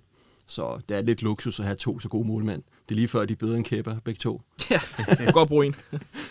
der skal vel heller ikke det helt store til der. Nej, ikke i øjeblikket i hvert fald. Manchester United har jo også, øh, ja, ikke to, men faktisk tre øh, rigtig øh, solide keeper øh, i, øh, ja, på kontrakt i hvert fald, øh, øh, hvis man også øh, medregner øh, Henderson. Men øh, jeg går ikke ud fra, at det er på øh, målmandsposten, at du tænker, at Manchester United skal rotere til, her til, til kampen mod Crystal Palace. Nej, altså målmænd de laver jo ikke så meget, vel? så jeg tænker godt, at David De Gea han kan holde ud og, og, og stå mod, i kampen mod Crystal Palace også, men, øh, men det bliver mere omkring op, op på midtbanen og op på kanterne, der skal, der skal roteres lidt. Hvis man lige hurtigt skal, skal vende øh, David Terrea, så øh, er det jo måske værd at nævne, at øh, han faktisk øh, spillede sin øh, kamp nummer 400 for, for klubben her senest mod, øh, mod Southampton i øh, en kamp, som vel øh, egentlig var en godkendt indsats fra, fra hans side. Vil du ikke sige det, trods de, øh, de to indkasserede mål? Jo, altså han kan jo ikke gøre, gøre noget ved nogen af målene. Øh, Pogba, der er sådan helt nonchalant og ufokuseret, vinder midt på banen og mister den, og så bliver der spillet indendørs, og så lige pludselig ligger ned i kassen, og så et, et hjørnspark, som, som han heller ikke kan gøre så meget ved. Så jeg synes, han stod en, en rigtig fin kamp. Men hvis man sådan, altså, skal se på David Reas seneste øh, form, øh, formkurve, er, er, giver det så for dig at se anledning til, til bekymring egentlig, at, at man begynder at se flere og flere af de her øh, svipser fra David De Reas side, som, som der også allerede har været et par stykker af i, øh, i sæson op, øh, eller øh, efter genstarten her? Ja, en smule vil jeg sige. Altså, jeg, jeg tror stadig på, at han kan, kan løfte sit niveau. Måske ikke helt til det topniveau, han havde på et tidspunkt, men, men godt nok til at stå United. Øhm, og det, det stiller jo endnu et spørgsmål i forhold til Dean Henderson, som også har stået rigtig godt i den her sæson. Øhm, hvad, hvad man egentlig skal gøre der. Øh, jeg tror gerne, det er han ville have været til, øh, til Real Madrid eller, eller nogle af de andre spanske klubber for et par år siden, og det blev så formøblet på en eller anden måde. Øhm, og, og han har jo været en fantastisk målmand for United, og reddet dem i så mange situationer i år, hvor vi ikke har været særlig gode, og reddet rigtig mange vigtige point. Men, øh, men ja, det er begyndt at dale lidt for ham. Det, men jeg synes, han har hævet sig selv lidt op igen, efter de, de svipser, der har været tidligere på sæsonen. Så der vil dreje på mål. Hvem, øh, hvem er det så ellers, at øh, Manchester United skal stille op med i, øh, i det her opgør mod øh, Crystal Palace for dig at se, hvis der skal roteres på nogle positioner? Ja, nu ved jeg ikke, om, øh, om Brandon Williams han er stadig sendt til tælling efter det der, øh, der skete med hans hoved i går. Men, øh, Nej, det, det er egentlig et godt spørgsmål. øh, men, men altså, som et sted som Vensterbak, der kunne, man, øh, der kunne man godt sætte ham ind for eksempel, og så køre de, de tre andre. Det, det burde være fint nok. Øh, eventuelt skift Lindeløf, hvis det er. Øh, og så synes jeg på midtbanen, at man skal køre med Matic og Fred for, for at også have en dynamisk spiller ved siden af Matic. Øh, der er McTominay, selvom han er okay dynamisk, ikke lige så, ikke lige så dynamisk der. Øh, så vil jeg køre med Bruno, indtil han ikke kan mere, fordi at han simpelthen er så vigtig for Uniteds øh, udtryk offensivt, og for at de skaber chancer. Øhm, og Så- så, Så du, du mener, man bliver nødt til ligesom at give, give genvalg til ham, på trods af, at han var en af de spillere, der virkelig så brugt ud i, i kampen mod Southampton? Jamen, jamen, jeg kan ikke se, hvordan... Altså, hvis man kigger på United før Bruno, og så kigger på det efter, så er, er forskellen så stor. Øh, han er jo nærmest, som, som jeg har læst nogle steder, øh, nogen, der mener, han har haft Van Dijk-agtig indflydelse på United, og det, det synes jeg virkelig er rigtigt, at, at før, før han kom til, der lignede det jo, at det ville blive en øh, ret sløj sæson egentlig. Øh, og så har han gået ind og, og vendt, vendt øh, skuden en del. Så jeg vil, øh, jeg vil starte med ham stadigvæk. Øh, så vil jeg nok spare Greenwood og, og eventuelt køre Marta ind, som Anders siger. Øh, og så tror jeg, jeg vil køre Øh, med Rashford og Martial, og så se, hvor længe de holder. Øhm, så man roterer en i hver kæde, sådan cirka. Og for Crystal Palace, der er det vel bare uh, the same usual suspects, der bliver bragt i aktion eller hvad? Ja, ja, fuldstændig. Det, er- det er også 1,1 på det er gentagelse. det er maks nogle skader, der kan rotere det. Så jamen, det, det er det. Altså, det. Jeg tror ikke på, at der kommer nogen, øh, en kanin op af hatten for Roy. Altså, det bliver en, en forventelig startopstilling. Øh, så, og det synes jeg egentlig også er fint nok en kamp mod, øh, mod United. Altså, fordi det, det, det, er en, det er en svær kamp, og der holder hans koncept mod en modstander som jer, hvorimod jeg havde hellere set, at han havde prøvet nogle af, måske en to-tre unge, eksempelvis mod Bournemouth eller et eller andet andet, at man, det er der, man prøver et eller andet. Ligesom at I føler, at I har råd til at prøve noget lidt andet mod os, fordi at I ikke har så meget respekt for os. På samme måde skulle Palace gøre det mod de modstandere, der er på vores eget niveau. Der kan man måske prøve en eller to hver kamp af nogle af de unge, øh, og så selvfølgelig have en, en stamme på holdet. Men, men mod United mener jeg også, at man skal stille med stærkeste opstilling. Øh, så ja. Så det er åbenbart ikke noget problem med Crystal Palace, bare at give genvalg til de samme hver eneste gang, som, øh, som det jo heller ikke har været for Manchester United. Øh, I hvert fald har Ole Gunnar Solskjaer ikke haft, øh, haft de store problemer med det, men der er jo altså en, en kamp kun tre dage senere øh, mod Chelsea, som man jo også øh, bør have et, øh, et øje på. Og øh, Øhm, Mads, jeg tænker også, at du øh, af flere grunde vil, vil have et øje på, øh, på kampen øh, mellem Crystal Palace og Manchester United. Dels selvfølgelig for at se, hvad det er for en forfatning, United øh, kommer i øh, til kampen mod Chelsea, men, men jo selvfølgelig også fordi, at, øh, at vores resultat ikke er helt uvæsentligt for, for jeres øh, videre skæbne i forhold til at, at sikre sig øh, plads i, øh, i top 4. Hvilken, hvilket kampbillede for, forventer du egentlig, at man kommer til at se øh, mellem øh, Crystal Palace og United her på torsdag? Jeg forventer, at det bliver ikke så langt fra det, vi så med, med Chelsea og, og Crystal Palace, da de krydsede klinger. Altså et, øh, et United-hold, som vil skabe flere chancer, og som nok vil have bolden en, en relativt stor del af tiden. Øhm, men jeg synes, det, det bliver rigtig spændende at se, hvor, hvor mange han netop vil rotere, og hvor lang tid øh, på banen spiller som Mason Greenwood og, og Rashford og, og Martial, og selvfølgelig også Bruno Fernandes får, fordi jeg sidder bare og håber på, at de alle sammen starter inden og, og spiller 90 minutter, ikke? Ja, det er klart. Øhm, men det, jeg synes, det, det er spændende at se, også fordi at United har tidligere strikket sådan en lang stime sammen under, under Ole Gunnar. Øhm, det er spørgsmål, om det ligesom er slutningen på den her, eller om de hurtigt kommer tilbage på, på hesten igen. Så, så jeg skal helt sikkert have et øje på den kamp. Det, det skal jeg. Nu, nu øh, skal Chelsea jo også i aktion. De får har lige en, øh, en ekstra dags øh, hvile, så kan man jo mene om, hvad man vil øh, i forhold til, til, til kampprograms øh, sammensætning. Men øh, de skal jo faktisk i aktion her lige om lidt øh, mod, øh, mod Norwich. Forventer du, at, øh, at Chelsea kommer til at spare spillere i, øh, i jeres kamp? Øh, nej, det gør jeg ikke. Øh, det er selvfølgelig øh, super fedt at være noget langt i, øh, i FA-koppen, og det vil godt nok være en, en øh, fed appelsin at få ned i, i turban og kunne spille en, en finale i, øh, i den kopturnering øh, allerede i år under Lampard, men, øh, men det er ligaen, der, der fylder øh, mere eller mindre alt. Altså det, den fjerdeplads skal i hus, og, og derfor så vil det virkelig overraske mig, hvis ikke Lampard han øh, stillede med, øh, med de 11 spillere, som han mente øh, var stærkest. Men det er jo ikke helt øh, samme situation som, som med United. Altså Chelsea har mange spillere, som virkelig ligger tæt i forhold til at blive, blive valgt til startelveren.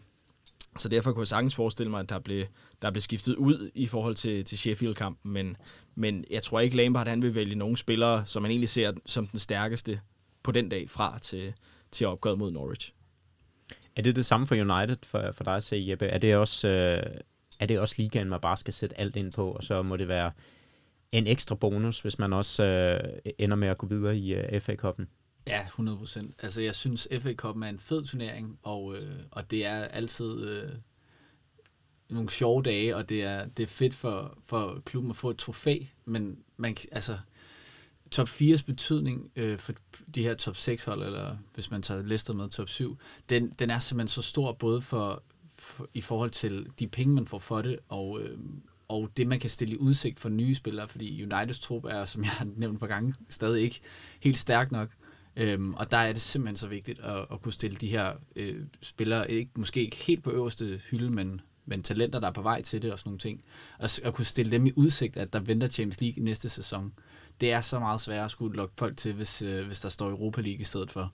Så øh, ja, det er, det er lidt en svær situation, når han har, øh, Solskjaer har brugt de samme så mange gange i træk, øh, at han, jeg ser det som om, han bliver nødt til at spare et par stykker, men jeg synes også, man skal sætte alt ind på at, at komme i top 4 i den her sæson. Det er klart det vigtigste.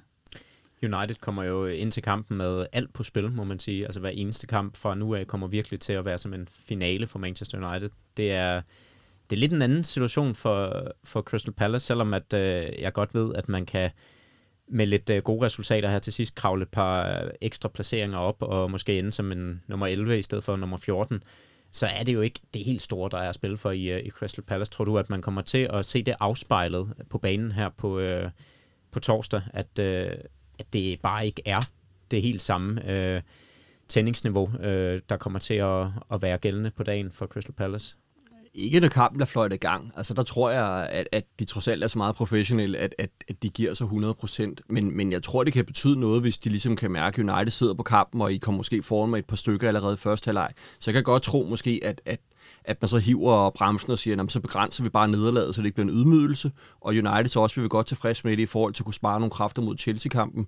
Men, men jeg tror ikke, at, at man ligger så ned fra start af. Det tror jeg ikke. Men, men, men jeg tror, at, at, at man godt kan se det, hvis det er, at kampen udvikler sig på en måde, hvor man så ikke vil investere alt i det for at komme tilbage i den kamp. Altså, så tror jeg måske hellere, at, at de prøver at dræbe kampen, og så kan det være de sidste 20 minutter, der kommer et par unge ind, eller et eller andet. Ikke?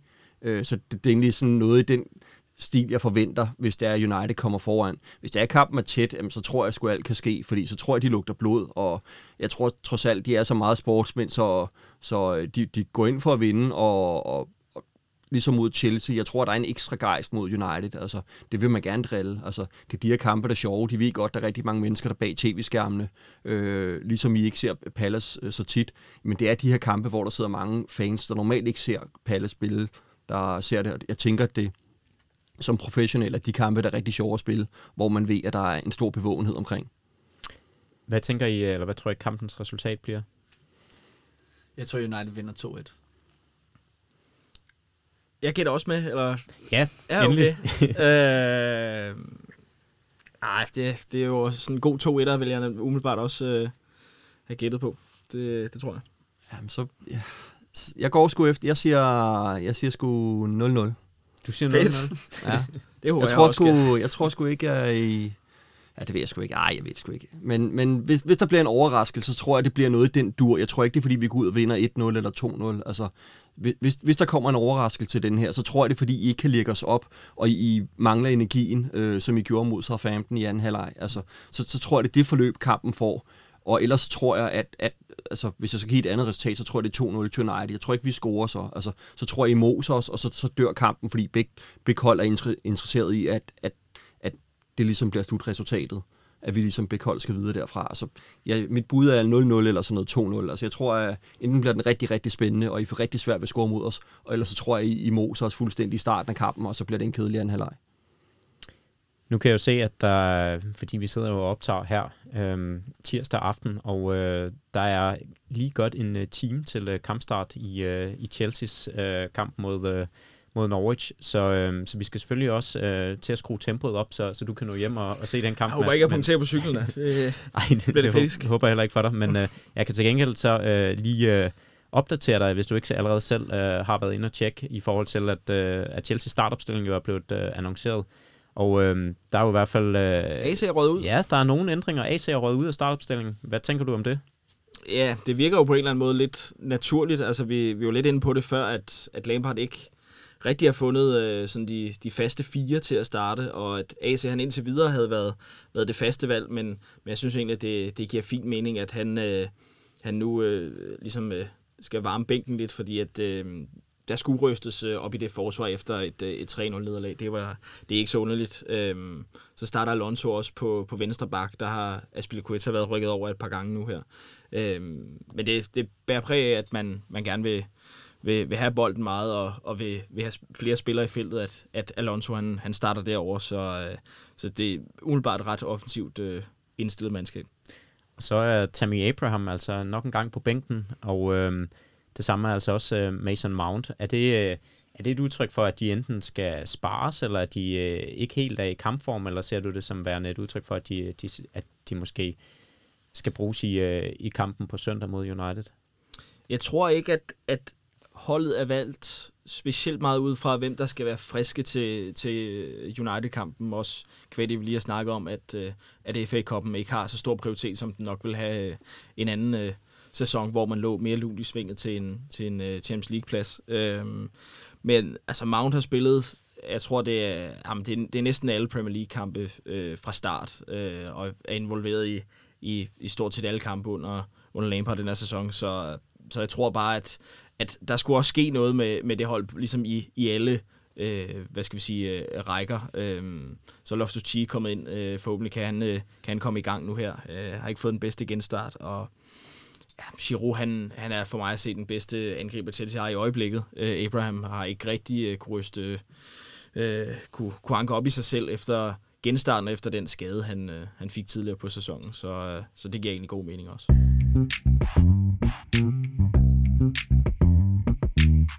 Og med, øh, med den lille optakt til runde 36, så øh, hopper vi videre til øh, søndagens kamp, nemlig øh, FA Cup semifinalen mellem Chelsea og Manchester United. Jeg kan måske lige som en øh, lille service-meddelelse sige, at øh, kampen mellem øh, Crystal Palace og Manchester United, den jo vises på 3+, plus, og den går altså i gang kl. 21.15 torsdag aften. Små dage, tre dage senere, så skal vi jo så i aktion igen, og øh, hvis man prøver sådan at lave en, øh, en styrketest øh, mellem øh, Chelsea og Manchester United lige nu, hvem vil I så egentlig mene øh, står stærkest? Og måske skal vi øh, starte ude hos den øh, mest objektive dommer af, af os alle sammen, nemlig øh, Crystal Palace-repræsentanten. Øh, hvem, hvem ser du egentlig lige nu stå stærkest, øh, Chelsea og Manchester United? Hmm, ja, det er et godt spørgsmål. Altså, øh, man er jo fristet til at sige United, men ja, jeg ved det sgu ikke. Altså, jeg ser det sgu egentlig meget 50-50, for at være helt ærlig. Og så tror jeg, at begge klubber, som du siger, Mads, har jo ligesom prioritet. Altså, det er jo Champions League, der er det store her. Altså, det er jo en katastrofe for jer begge to, hvis I ikke kommer med. Så kan man sige, så tror jeg, at man vil sælge koppen, og ja, jeg er lidt i tvivl om, som du nu snakker om, altså kunne man finde på at, øh, at spare faktisk nogle spillere i den her kamp? Det kan jo også komme til at have en indflydelse. Hvis nu United stiller med stærkeste opstilling, og Chelsea sparer en 5-6 mand, det vil selvfølgelig gøre noget i forhold til, hvem der bliver favorit i den kamp. Så det med det forbehold, men ellers ser den faktisk meget lige. Øh, men, men umiddelbart vil jeg mene, at, at, at den måde Uniteds offensiv klikker på i øjeblikket, og som Chelsea har problemer defensivt, det må give en lille fordel til United, hvis vi går ud fra, at begge hold stiller med stærkeste opstilling, men det er faktisk i tvivl om, det vil gøre.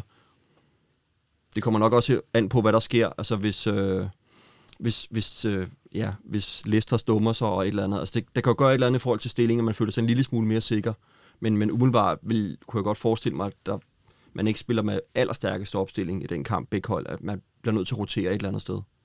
Hvad tænker du, Mads? Øh, tror du, at Chelsea de stiller med stærkeste mod United? Øh, ej, jeg er meget enig med, med Anders, at øh, hvis der skulle findes en, en kamp her de sidste ja, fire eller fem kampe, øh, øh, hvor der skal roteres, så, så er det mere naturligt, at det sker i FA-koppen, øh, selvom det er en semifinal. Øh, simpelthen fordi, at, at de andre kampe er vigtigere. Øh, så ja, jeg synes, det, det er ret svært at forudsige, hvordan Lampard han, øh, han stiller op. Øh, men det er formentlig ikke det samme hold, som vi, vi ser øh, i aften mod Norwich. Men kan man ikke også risikere omvendt set, øh, at der er en psykologisk effekt af at tabe sådan en kamp her? Altså det er jo Chelsea og Manchester United, som, øh, som står over for hinanden i forhold til at skulle sikre den her øh, fjerdeplads, selvfølgelig sammen med, øh, med Leicester, men, men, men de er jo i direkte konkurrence med hinanden i forhold til at, at slutte over hinanden og, og erobre den her Champions League-givende øh, placering. Kunne man ikke risikere, hvis nu at det ene hold går ud og tæsker det andet 5-0, at det giver så alvorlig psykologisk en, øh, en effekt på, på slutprogrammet, at man risikerer at tabe det hele på gulvet, fordi at man simpelthen har fået, øh, altså, fået så stort et, øh, et dyk af at blive, øh, blive slået af sin, øh, sin direkte konkurrent?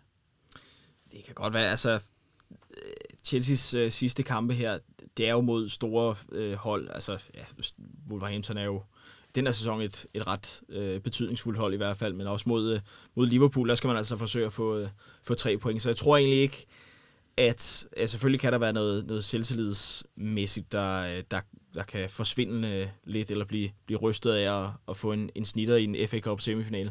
Men jeg tror helt ærligt ikke, at det kommer til at, hvis det skulle ske, have sådan en enorm effekt på, øh, på hvordan de sidste kampe vil, vil spænde af øh, for, for nogle af holdene i virkeligheden.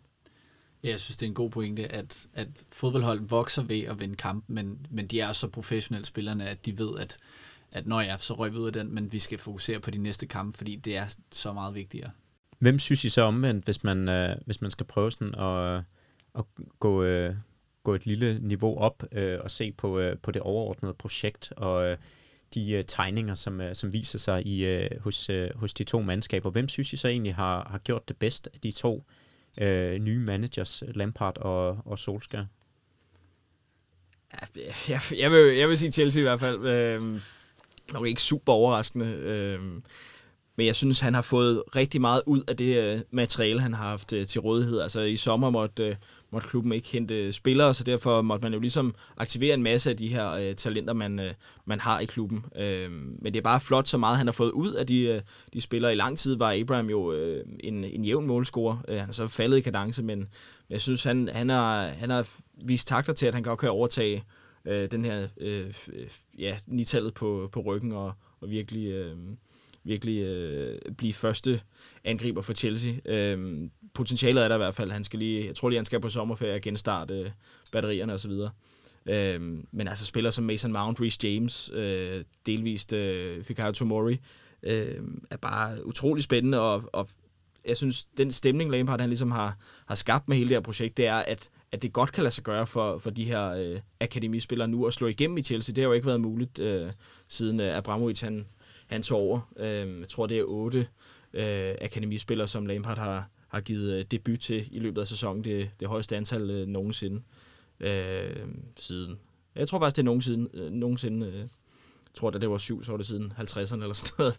Øh, men, øh, men jeg synes bare, der, der er mange positive vinde over, over Chelsea i virkeligheden, øh, selvom, øh, selvom der virkelig har, har været store øh, udsving i løbet af, af sæsonen. Og så synes jeg bare, at de to indkøb, øh, Sirik og, og Werner, det, det tegner rigtig godt. Øh, så skal man have fundet en forstærkning øh, bag til, men hvis, det, hvis det kommer i stand, så, så ser det rigtig godt ud.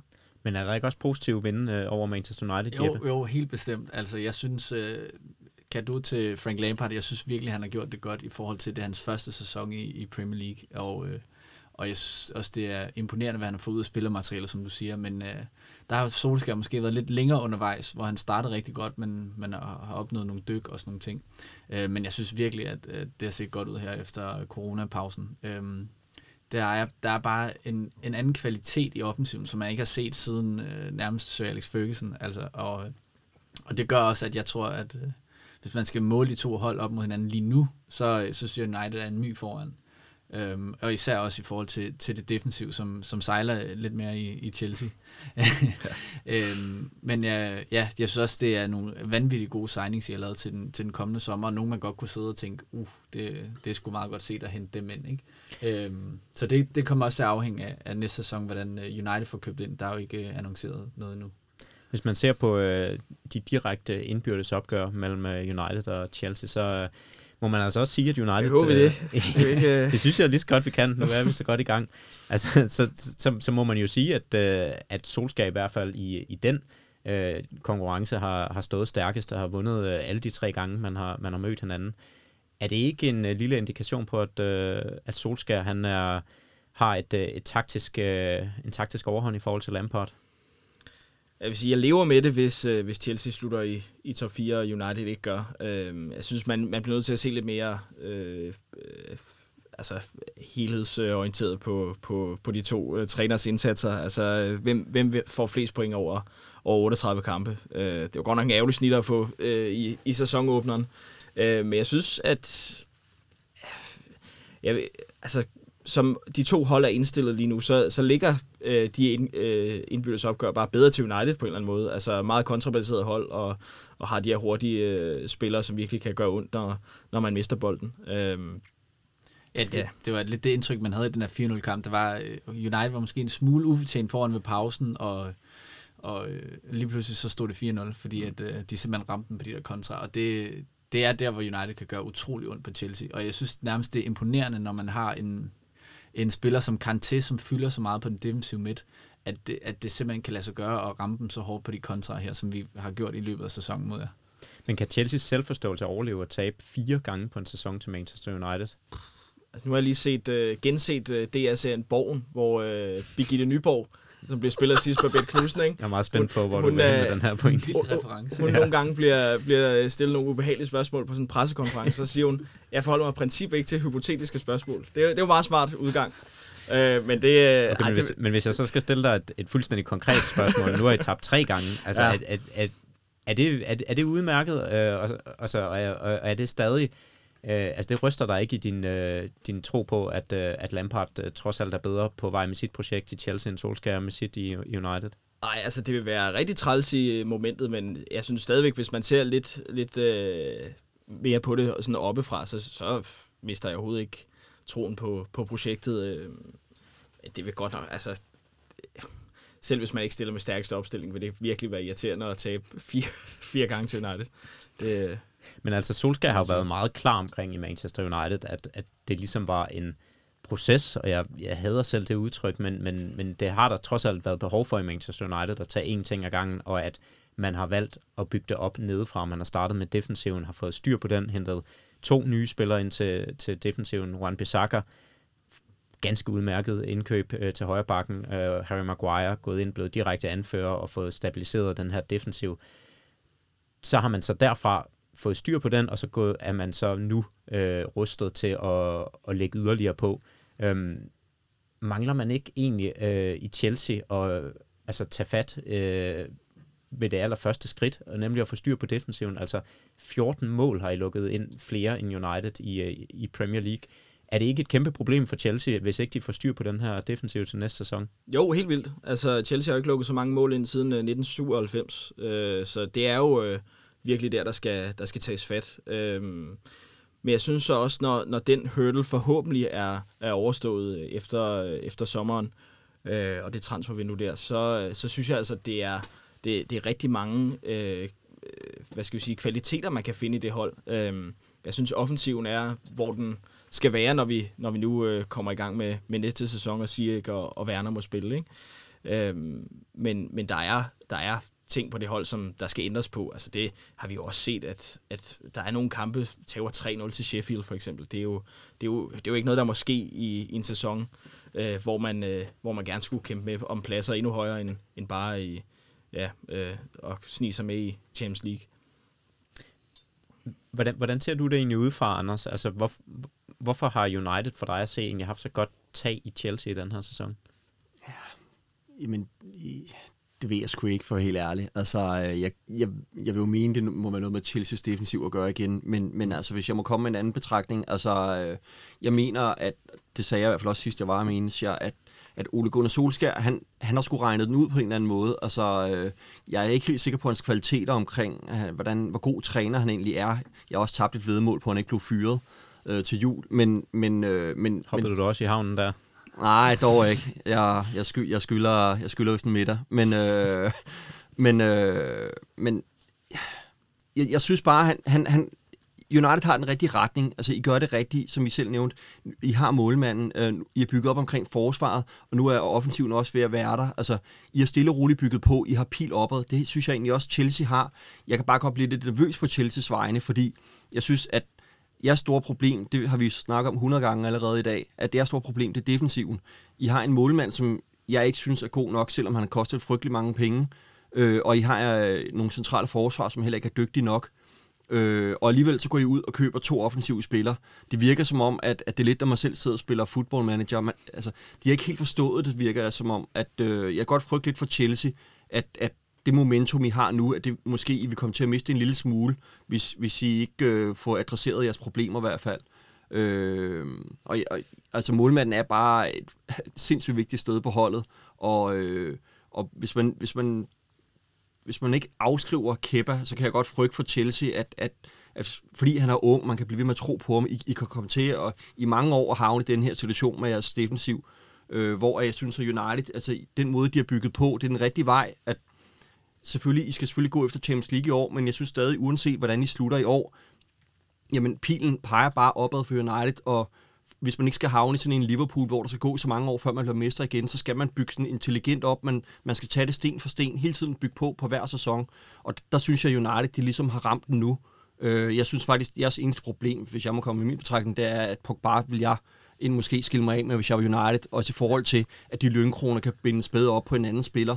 Men, men ellers synes jeg egentlig, at United er det rigtige sted hen. Altså, Øh, og, og der kan jeg godt frygte lidt for Chelsea, at øh, I, I mangler noget. Øh, og jeg håber det, fordi man, man er på vej med det for Chelsea, fordi, fordi jeg, jeg synes i hvert fald, det er et problem. Altså, hvis jeg sidder og kigger på jeres bænk til dagens kamp, og så ser I hente de to offensive spillere ind, så tænker jeg, okay, altså... Det var ikke der, øh, problemet var, måske. Nej, altså, det er lige for alle dem, der er på jeres bænk, de vil i hvert fald pynte gevaldigt på vores offensiv, så øh, det er ikke der, jeg vil adressere. Øh, Øh, I har nogle sindssygt spændende spillere, og nogle unge spillere, som måske kan blive glemt nu, øh, fordi I går ind og henter to så store profiler. Øh, sådan noget som Odon, hvad han hedder. ja. Ja, øh, altså sindssygt spændende spillere. Og... Men han er vel ikke gammel nok til at spille Crystal Palace? Ej, er du tosset, mand. Men jeg, men, men, men jeg kan bare godt frygte for ham i Chelsea, når man går ind og henter så store spillere ind, at, at øh, sådan en spiller, han måske øh, kan blive lidt glemt, øh, og ikke få nok spilminutter for at få udviklet sig. Og det er det, Uniteds held lidt har været, det er, at at I har haft en smal trup, det vil sige, den startopstilling, I har spillet med, der har spillerne udviklet sig hele tiden, og ligesom vokset øh, i løbet af sæsonen, og det er derfor, det ser så spændende ud for United, og selvfølgelig er jeres trup sindssygt smal, men, men, øh, men, men I, I på vej, og I, I skal bare stille og roligt hente på spillere hver sæson. I skal lade være med at gå ud og hente syv til sommer. Det tror jeg i hvert fald vil skade jer mere. Så man skal bare stille og roligt bygge på, og der synes jeg egentlig, at Ole Gunnar, han, han gør det helt rigtigt. Og som jeg sagde sidst, han vil i hvert fald være, hvis han ikke er en god nok manager for jer, så vil han være en god nok sportschef for jer, tror jeg, fordi jeg tror, han har forstået det, hvad det, hvad det handler om. Ja, spørgsmålet er, om det måske i forvejen lidt af den rolle, han allerede går ind og indtager nu. I hvert fald været meget snak om, at han er utrolig dygtig til at give plads til, øh, til nogle andre personer i, øh, i Manchester United, som, som ved mere omkring det taktiske for eksempel, eller det, det rent øh, sådan, øh, ja, sådan øh, rent spilmæssigt i, øh, i træning og sådan noget. Men det er selvfølgelig en, øh, en større og længere diskussion, som, øh, som vi ikke har tid til lige nu, fordi øh, vi må også øh, respektere, at, at der er en kamp, der går i gang lige om lidt, som, øh, som vi helst skal nå at, at få gjort os færdige til. Men øh, hvis, jeg, hvis jeg lige skal prøve sådan at få, øh, få afrundet den her øh, test af styrkeforhold mellem øh, Manchester United og Chelsea, så kunne jeg egentlig godt tænke mig, at øh, I lige legede med på øh, sådan en altid sjov lille øh, leg, øh, hvis nu man øh, sad og skulle sætte sit eget personlige fantasyhold, om, øh, om I kan blive enige om en, øh, en combined 11 af de stærkeste øh, spillere, som øh, både Chelsea og Manchester United øh, har til rådighed. Øh, hvem, øh, hvem, skulle så, øh, hvem skulle stå på mål på sådan en ja, hold? Kepa ikke, eller? Kebas kan det ikke være. altså, det, det synes jo ellers at være, være opinionen i, i Spanien, at, øh, at det er Kepa, der står forrest i den kø. Ja, det, fald, jeg ved ikke, hvordan det kan fortsætte, nogle kampe. men uh, det Rea får den, uh, ja. uden at vi behøver at diskutere det mere. Det er, det er helt enig med. Der er ikke nogen grund til at bruge mere tid på det. uh, og jeg tror, altså det, det meste af bagkæden er jo næsten også afgjort. Altså jeg synes, højre bakken, altså Aspilicueta øh, øh, vil jeg nærmest ikke bytte ud med, med nogle andre højre backs i, i Premier League. Altså defensivt er han, er han en af de absolut øh, bedste. Altså mand-mand er det nærmest umuligt at komme forbi om, synes jeg. kan man sige, noget offensivt, som, som Juan Bissaka han har. Det, det mangler Dave så lidt. Øhm, Ja, jeg, jeg synes, uh, Wan Bissaka klart er den bedste en mod en forsvarsspiller i Premier League. Um, og hvis, hvis man nu, uh, som du så flot sagde med AC, uh, tænker på, at det vigtigste i forsvaret er at forsvare, uh, ja. så, uh, så vil jeg klart sætte Wan Bissaka på. Men, uh, Mourinho har ellers tidligere sagt, at hvis han kunne have et hold bestående af 11 Aspilicueta, Ja. så, Ja. så, ville han, så ville han have det hold.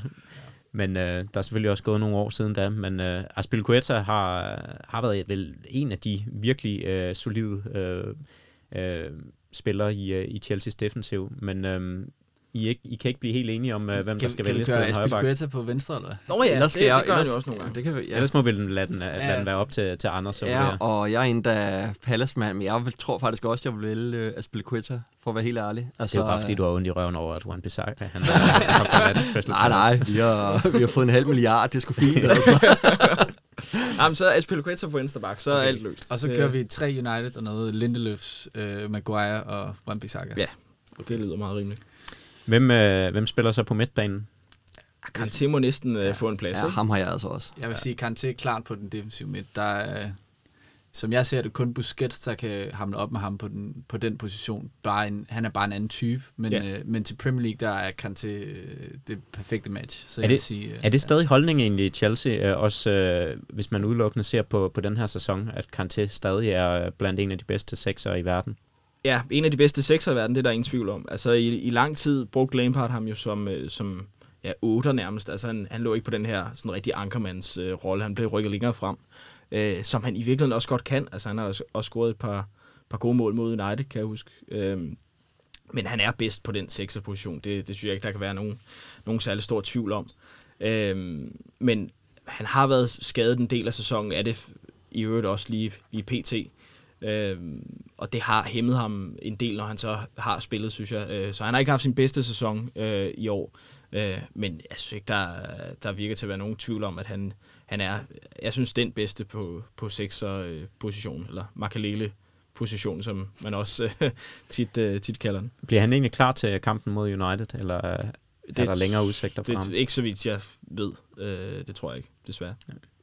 Men øh, i den bedste af alle verdener, der øh, har vi ham øh, til rådighed, så han, øh, han får sekserposition. Hvem Ja. øh, spiller foran øh, Kanté så? Ja, men det er jo det, der er så svært, fordi Pogba, han viser jo ikke glemt, hvorfor at, øh, at han er en, en gudsbenået fodboldspiller, men øh, han er bare, jeg føler, at han er en hver træners øh, mareridt. Øh, fordi at, at, som man ser i går, så, øh, så er han lige lidt ukoncentreret, lidt for nonchalant i en situation, og så lige så United bagud 1-0. Men så bruger han det som øh, benzin kort efter til at, øh, til at spille en god bold ind i feltet til Martial, som skaber det næste mål. Altså det er jo det, de der topspillere kan. Ikke, ikke gå ned over, over de der fejl, men, øh, men egentlig bruge det til, til noget positivt senere i kampen. Øhm, så jeg vil sige, en Pogba i topform, og som gider være i klubben, det er jo også et, et spørgsmålstegn, der er det blevet er rejst et i. helt andet spørgsmålstegn, Helt- som, helt- øh, helt- som helt vi sæsonen. nok ikke har tid til at gå i dybden Øhm, så vil jeg her. sige Pogba ved siden af. Ja. Altså, jeg, jeg var tidligere i sæsonen med i øh, et program, der hedder Premier League-parlamentet på TV3+, øh, Plus, hvor øh, der var en afstemning, det var efter kamp mod Wolverhampton, som blev 1-1, og hvor Pogba brænder straffe, hvor der var en afstemning om, hvorvidt man ville have Pogba øh, på sit eget hold, hvor jeg var den eneste, der stemte ja. Alle andre, også United-repræsentanten, øh, stemte nej. Så det, øh, altså, der, det er bare virkelig svært, og, når man skal sætte altså sådan et combined 11 der, om, om man egentlig vil have ham på. Altså, hans kvaliteter er jo, er jo ikke til at tage fejl af, men der er bare for mange kampe, tror jeg, hvor han ikke vil være den bedste at have. Men, øh, men hvis, altså nu er Kanté jo også skadet, men har jo taget på alligevel, så mm. det må næsten være Pogba, der, ja.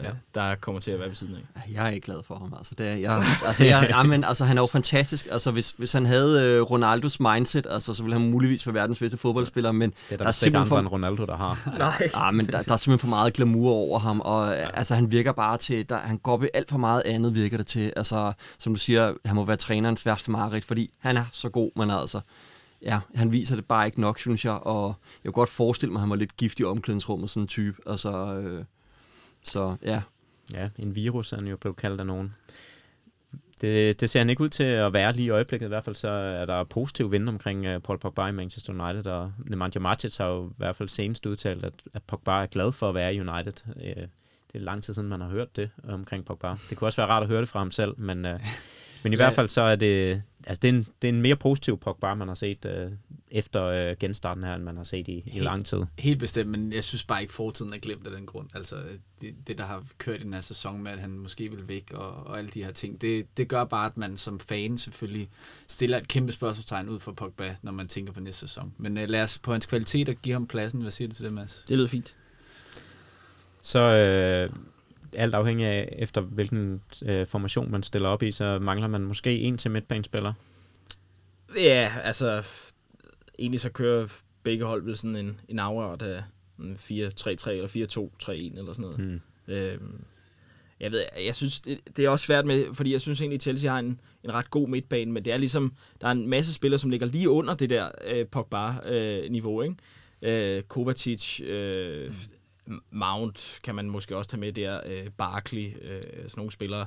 Øh, det er bare lidt underligt at sætte dem på sådan en øh, altså combined øh, 11, synes jeg. Altså det, det er de Og- på en eller anden måde ikke helt gode nok til. Og, og udlade Manchester Uniteds allermest afgørende spiller lige i øjeblikket. Ja, ja, Fernandes. altså Bruno, han, han, han skal jo have en plads, ikke? Ja, altså, Jeg tænker også, det, han får det bliver han jo nødt til. Han får tieren, eller den, den offensive Ja. ja. og så mangler vi så en Nogle- fronttrio. Ja, og det er jo, så, altså, det er jo utrolig få Chelsea-spillere, vi ender med at få på her, ikke? øh, fordi jeg vil gerne have, have Pulisic på. Øh, men altså, hvem af, af Rashford og øh, Martial og, og Greenwood, han lige skulle øh, erstatte? Greenwood. Det, det, Ja. det, ja, Jeg, altså- jeg vil faktisk gerne øh, give dig Pulisic øh, for, for Greenwood, øh, så den ja. hedder Martial, øh, Rashford og, og Pulisic fremme, fordi at, at Greenwood stadig er, er ung og stadig har, har, er i gang med en udvikling, og, og altså, når han stråler, så er han jo den klareste stjerne på himlen, men, øh, men han, han, han skal stadig modnes og stadig passes lidt på, at han ikke bliver overeksponeret for ja. spilletid og sådan nogle ting, og der er Pulisic lige et, et skridt foran i forhold til det, så jeg vil, jeg vil sige, at fronttriven skulle være Rashford, Martial og Pulisic. Ja. det, det lyder øh, meget rimeligt, synes jeg. Men hvis man spørger sådan uh, mere overordnet set, vil du så hellere egentlig råde over Mads, altså he- hellere råde over Pulisic end, uh, end Greenwood? Nej, altså nu, øh, nu bliver der sagt, at, at Greenwood er, er ung, og det er jo ikke til at tage fejl af, men øh, Pulisic, han er også kun 21, og jeg synes også, han, han, øh, hans bedste dage ligger, ligger foran ham, selvom han virkelig præsterer på et højt niveau lige pt. Øh, jeg synes, når jeg ser ham spille, så er der sådan en lille, lille drys af, af Eden Hazard over hans, øh, hans drev med bolden og hans, øh, hans teknik. Øh, så, øh, så det vil jeg egentlig ikke, selvom jeg synes, Mason Greenwood virkelig er, er et spændende, spændende kort, United de har, de har fået sig der. Spændende. Så, øh, så mangler vi vel øh, mangler vi en, øh, en sidste, eller kom vi i mål? Ej, Rashford er på toppen, ikke? Rashford, Rashford på toppen. Ikke Giroud, men... Øh, Eller, eller Martial. Det, Ja, Pulisic, Martial og Rashford frem, ikke? Ja. Ja. Og så, øh, så er Okay. midtbanen besat af Kanté, Pogba og Bruno. Ja, så der, der sne sig lige et par jeg- stykker. Ja, jeg stemmer ikke på, jeg stemmer ikke på Pogba, så vil jeg hellere have en formationsændring. Hvem, hvem, hvem vil du have ind i stedet for Pogba? Jamen, det, det er jo svært at sige, altså, fordi, altså, hvem, hvem for Chelsea er, altså, fordi Pogba er jo sindssygt god, men det, det var egentlig bare også bare for at pointere, at, at, at hvis jeg var United-mand, også i forhold til, at hvad nu næste gang, at der står nogen af de, altså Real Madrid eller Barcelona, hvad med jer, der står og lokker ham lige pludselig, altså faker han så en skade, eller hvad sker der så? Altså, det er mere i, i det lys, jeg vil se det, hvis jeg var United-mand. Altså, øh, der vil jeg egentlig hellere bruge de penge, han kunne indbringe på noget andet, altså hvis jeg skulle vælge. Så, så det er mere set i det lys. Så jeg tror, jeg har fået min pointe med omkring ham. Altså, han er jo en fantastisk fodboldspiller. Fair nok. Hvem kan for jer se bedst tåle et nederlag i den her kamp? Ja. jamen, det, det synes jeg egentlig er ret lige, fordi den kamp er bare ikke så vigtig, som den egentlig burde være, på en eller anden måde. Mm. Enig, enig. Øh, ja. Ja, det ved jeg faktisk ikke. Nej, men hvis, hvis man nu tager øh, Chelseas øh, øh, præstationer mod Manchester United en, en mente, så tænker jeg, at, øh, at United bedst kan, kan tåle det nederlag. Jeg tror, det, selvom du ikke Jeg vil sejr nok over. Sel, selvom du ikke helt det, så tror jeg, det kommer til at gøre lidt mere ondt på, på søndag, hvis United øh, står med de tre, eller står med sejren bagefter, end du giver udtryk for lige nu. det kan godt være, du var lidt ret der. Hvilket kampbillede forventer I så af kampen? Jeg forventer, at det kommer til at bølge rigtig meget frem og tilbage, og det bliver de her to eller offensive øhm, offensiver, der kommer til at stråle. Øhm, og øh, ja, så, så tror jeg, at United igen rammer Chelsea på nogle kontra. Jeg tænker ikke øh, lige meget, hvem af de tre, de vælger ned i midterforsvaret, at de får lukket det hul, som, øh, som der er i suppen, eller hvad man siger. Nej, nej, det, det tror jeg. Altså, jeg tror, at Chelsea kommer til at være mest på, øh, på bolden. Jeg tror også, vi snakker om tidligere, men mm. det, det er bare sådan, det generelt har været i, i løbet af den her sæson, at Chelsea har bolden utrolig meget. Øhm, men det passer jo også et hold som United ret fint. Altså, det har vi jo set mange gange. Øhm, så, så jeg tror, at det, det, det bliver et, et kampbillede, som vi også har set de andre gange egentlig. Øh, men det er de to offensiver, som, som skal sprudle i den kamp. Det, det er der ingen tvivl om. Så kommer vi selvfølgelig til det helt afgørende øh, afsluttende spørgsmål. Hvem, øh, hvem vinder kampen? Hvem går i, øh, i FA Cup-finalen? Uh, jamen, jeg tror, United vinder.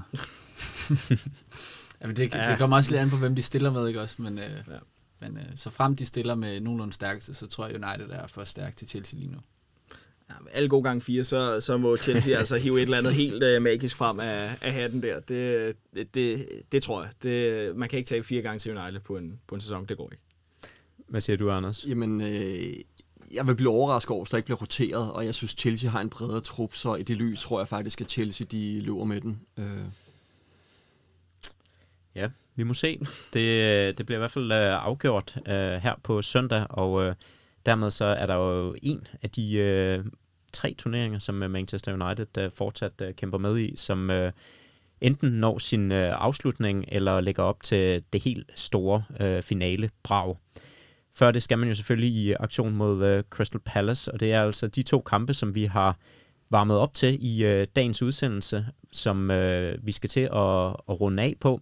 Øhm, lige her afslutningsvis, så kunne jeg godt tænke mig at, at spørge jer hver især, bare sådan helt kort, øhm, hvem den afgørende profil bliver for, for jeres hold her i, øh, i øh, slutspurten på, øh, på sæsonen, og, øh, og hvad der vil være en succes, og omvendt hvad der vil være en, en fiasko for, for afslutningen på, på sæsonen for jeres hold, hvis måske hvis man starter hos, øh, hos dig, Anders. Ja, vi må i hvert fald ikke tabe resten af kampene. Det vil være en fiasko. Altså, det vil, det vil skulle være et, et ærgerligt punktum på en ellers faktisk godkendt sæson. Så vi skal ud og overraske gerne mod United, drille dem og, øh, og hente øh, en sejr mere, vil jeg sige. Altså vi, vi skal i hvert fald ud og hente minimum fire point i de sidste tre, vil jeg, vil jeg gerne have. Øh, og øh, hvem der bliver stjernen. Altså jeg håber, at Sahar han hiver sig op her til sidst og lige får sluttet af. Øh, bare lidt, lidt mere klækkeligt for hans sæson, fordi den, den har været skuffende. Men øh, med en lille pil op her i den sidste del, så jeg håber, han får hævet sig op. Hvad siger du, Mads? Øh, Pulisic øh, har, har vist efter genstarten, at, øh, at han virkelig er et, et stærkt øh, kort offensivt, og jeg tror også, at han bliver, bliver afgørende øh, for Chelsea. Øh, øh, ja, det, det tror jeg. Så hvis Kanté han når at komme tilbage, kunne det jo også godt øh, være ham, men, øh, men det er offensivt, at Chelsea skal, skal vinde kampen. Altså, det, det, det bliver nok ikke så særlig mange clean sheets, øh, så, øh, så ja, Pulisic. Ja, og du er nok enig med mig, øh, Jonas Sand, men jeg vil sige, Bruno Fernandes er, er klart den, der skal, skal ja, det, hive det, det, det, er svært, det er svært at komme helt udenom ham. Ja. Altså. Øhm, og så i forhold til det andet spørgsmål om, øh, om hvordan, hvad der vil være øh, målsætninger, hvad der vil være, hvad skal man sige, det vil i hvert fald være katastrofalt, hvis det ikke slutter i, i top 4, det vil jeg sige, og øh, det er det, der skal være målet for sæsonen. Vi plejer jo altid at runde øh, vores øh, programmer af med øh, plads til, at man øh, kan lufte en medbragt pointe, og øh, fordi at øh, vi jo, som, som jeg har fået nævnt en, en del gange, sidder med øh, en kamp, der, der begynder lige om lidt, som øh, har særlig stor interesse for en af deltagerne hernede, så øh, øh, vil jeg give dig mulighed for, Mads, enten at lufte en pointe, eller hvis ikke du øh, har tid til det, så at, øh, og øh, forlade os. Øh, det står der i hvert fald frit for sådan at, at smutte, når, når du synes, at øh, tiden begynder at blive, blive lidt for presserende. Ja, um, jeg tror, min, min pointe bliver, at man skal køre forsigtigt derude. Nogle gange er der nogle tosser, der skal skynde sig hjem og se en fodboldkamp eller eller andet. Så, så hvis, hvis man måske kan, kan holde sig fra, fra vejene bare her de, ja, de næste ja, 15-20 minutters tid. Jeg skal ja. nok køre forsigtigt hjem. Ja, det er godt. Det er godt. det er i orden. Vi, øh, vi ses, eller vores hold ses på, på søndag. Det gør vi. vi ses måske øh, en anden gang hernede i studiet. Du er i hvert fald altid velkommen. Tak for din deltagelse, Mads. Tak for invitationen. God kamp i aften. God tak. Not. vi ses, gutter. Vi ses. Vi ses. Hey. Og øh, før jeg giver jer lov til helt at forlade studiet, så øh, kunne jeg godt tænke mig at høre, om, øh, om I har en, øh, en afrundende pointe, som I øh, sidder og brænder inde med. Jeg tror, jeg fik bagt min i spil lidt tidligere i forhold til det her med Pogba og, øh, og fremtiden. Det her med, at, at som du, jeg er meget enig med Anders, at, at, at de lønkroner kan bruges bedre på en, der man ved vil være der. Øhm, som måske ikke har lige så store kvaliteter, men, men tæt på faktisk også. Øhm, så det, det, det var egentlig det, jeg, jeg sad tilbage med efter hans øh, kæmpe fejl i går, og, og tænkte, at sådan, åh, du er ikke helt koncentreret i alle de minutter, du spiller i United. Det er, det er ret tydeligt. Så her kort før lukketid får vi øh, simpelthen smidt Pogba på porten. hvad, øh, hvad har du øh, med til os, Anders? Jamen, det var, jeg fik egentlig også bragt mine spil. Altså, det var egentlig to ting. Blandt andet Pogba, at øh, hvis jeg var United-mand, så tror jeg faktisk, jeg ville ønske på noget andet. Øh, og øh, så var det i forhold til det der med den retning, I har. Altså, det vil jeg som United-mand gå rigtig meget op i, at, at i skal hele tiden have pil fremad. Altså, og det er i hvert fald fået efter Bruno Fernandes kom. Øh, at I, I skal tænke langsigtet, for ellers så kan I skulle komme til at hænge dernede i lang tid. Altså, øh, nu kan vi se, øh, Arsenal de lige begyndt at genopbygge igen, eller man skal sige, øh, og nu tror jeg måske, de har fundet den rigtige mand, men de, de er jo lige startet, så de vil jeg mene, de er et stykke efter jer.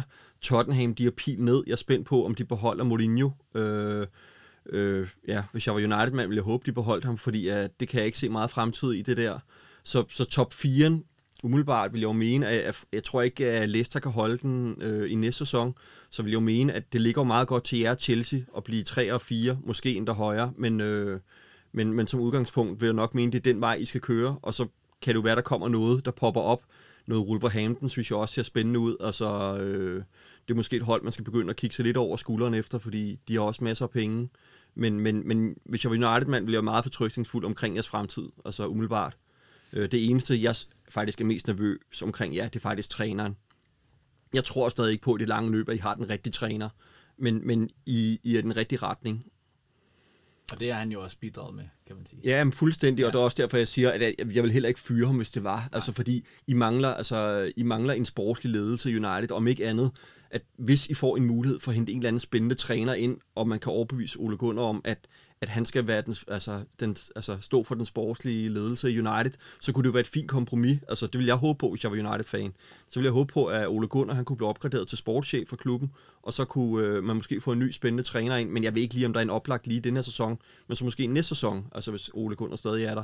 Det, det vil jeg mene, at det var den vej, United skulle kigge i hvert fald, fordi jeg, jeg synes, I er et spændende sted nu, og, og ja, jeg er spændt på, hvem, hvem I henter til sommer. Jeg, jeg har slet ikke styr på rygterne omkring jer. Men, øh. ja, der er vist noget om en uh, Jadon Sancho, som render rundt uh, nede i Dortmund, som ja. uh, har været som der har været skrevet en, uh, en del om i, uh, i aviserne, og det, det må vi se, hvor, uh, hvor den ender henne. Der er i hvert fald, uh, i hvert fald mange rygter, der tyder på, at uh, han kunne være en, uh, en ja, meget... Uh, plausibelt øh, bud på øh, en øh, ny kommende Manchester United-spiller. Og det vil jo også give mening, altså fordi I skal jo rotere på de offensive pladser, mm. og ja, det vil jo give sindssygt meget mening, at det er der, I skal kigge. Netop fordi jeg synes, I har fået fundamentet plads på holdet. Altså, I har ryggraden nu, bortset for det. Altså, hvad, hvad, hvad tænker I? I? I skal vel udleje Henderson igen næste år til Sheffield United, og så... Og hvad så? Er han tilfreds med det? Ja, det er et virkelig godt spørgsmål, hvad der skal ske med, med Henderson, øh, og hvad der skal ske med De Gea. Det, det tænker jeg er en special udsendelse øh, værdigt, så, så, så øh, det er et spørgsmål, som vi øh, vil lade hænge og, og må tage op på, øh, på et senere tidspunkt. Øh, for nu der øh, må vi øh, runde af, fordi vi har allerede øh, rundet den øh, halvanden time, som jeg havde regnet med, at øh, udsendelsen skulle vare for længst. Så øh, tilbage er der bare at sige... Øh, god kamp derude til øh, de to kampe, som, øh, som der venter United i øh, den her uge. Først mod Crystal Palace nu på torsdag, og så mod Chelsea på søndag. Manchester United, de har altså et uhyre vigtigt slutprogram, hvor der ikke er plads til at sove i timen. Man skal være vågen, hvis at kampen om top 4, den stadig skal holdes i live, og man samtidig også skal have mulighed for at spille sig i en FA Cup-finale. Mit navn det er Jonathan Dam Ågaard Seldorf, og jeg siger tak for nu, og come on United! Yes. Så glemte jeg vist også helt at få sagt til, tak for, at I uh, var med i udsendelsen, men så det kan jeg sige til jer.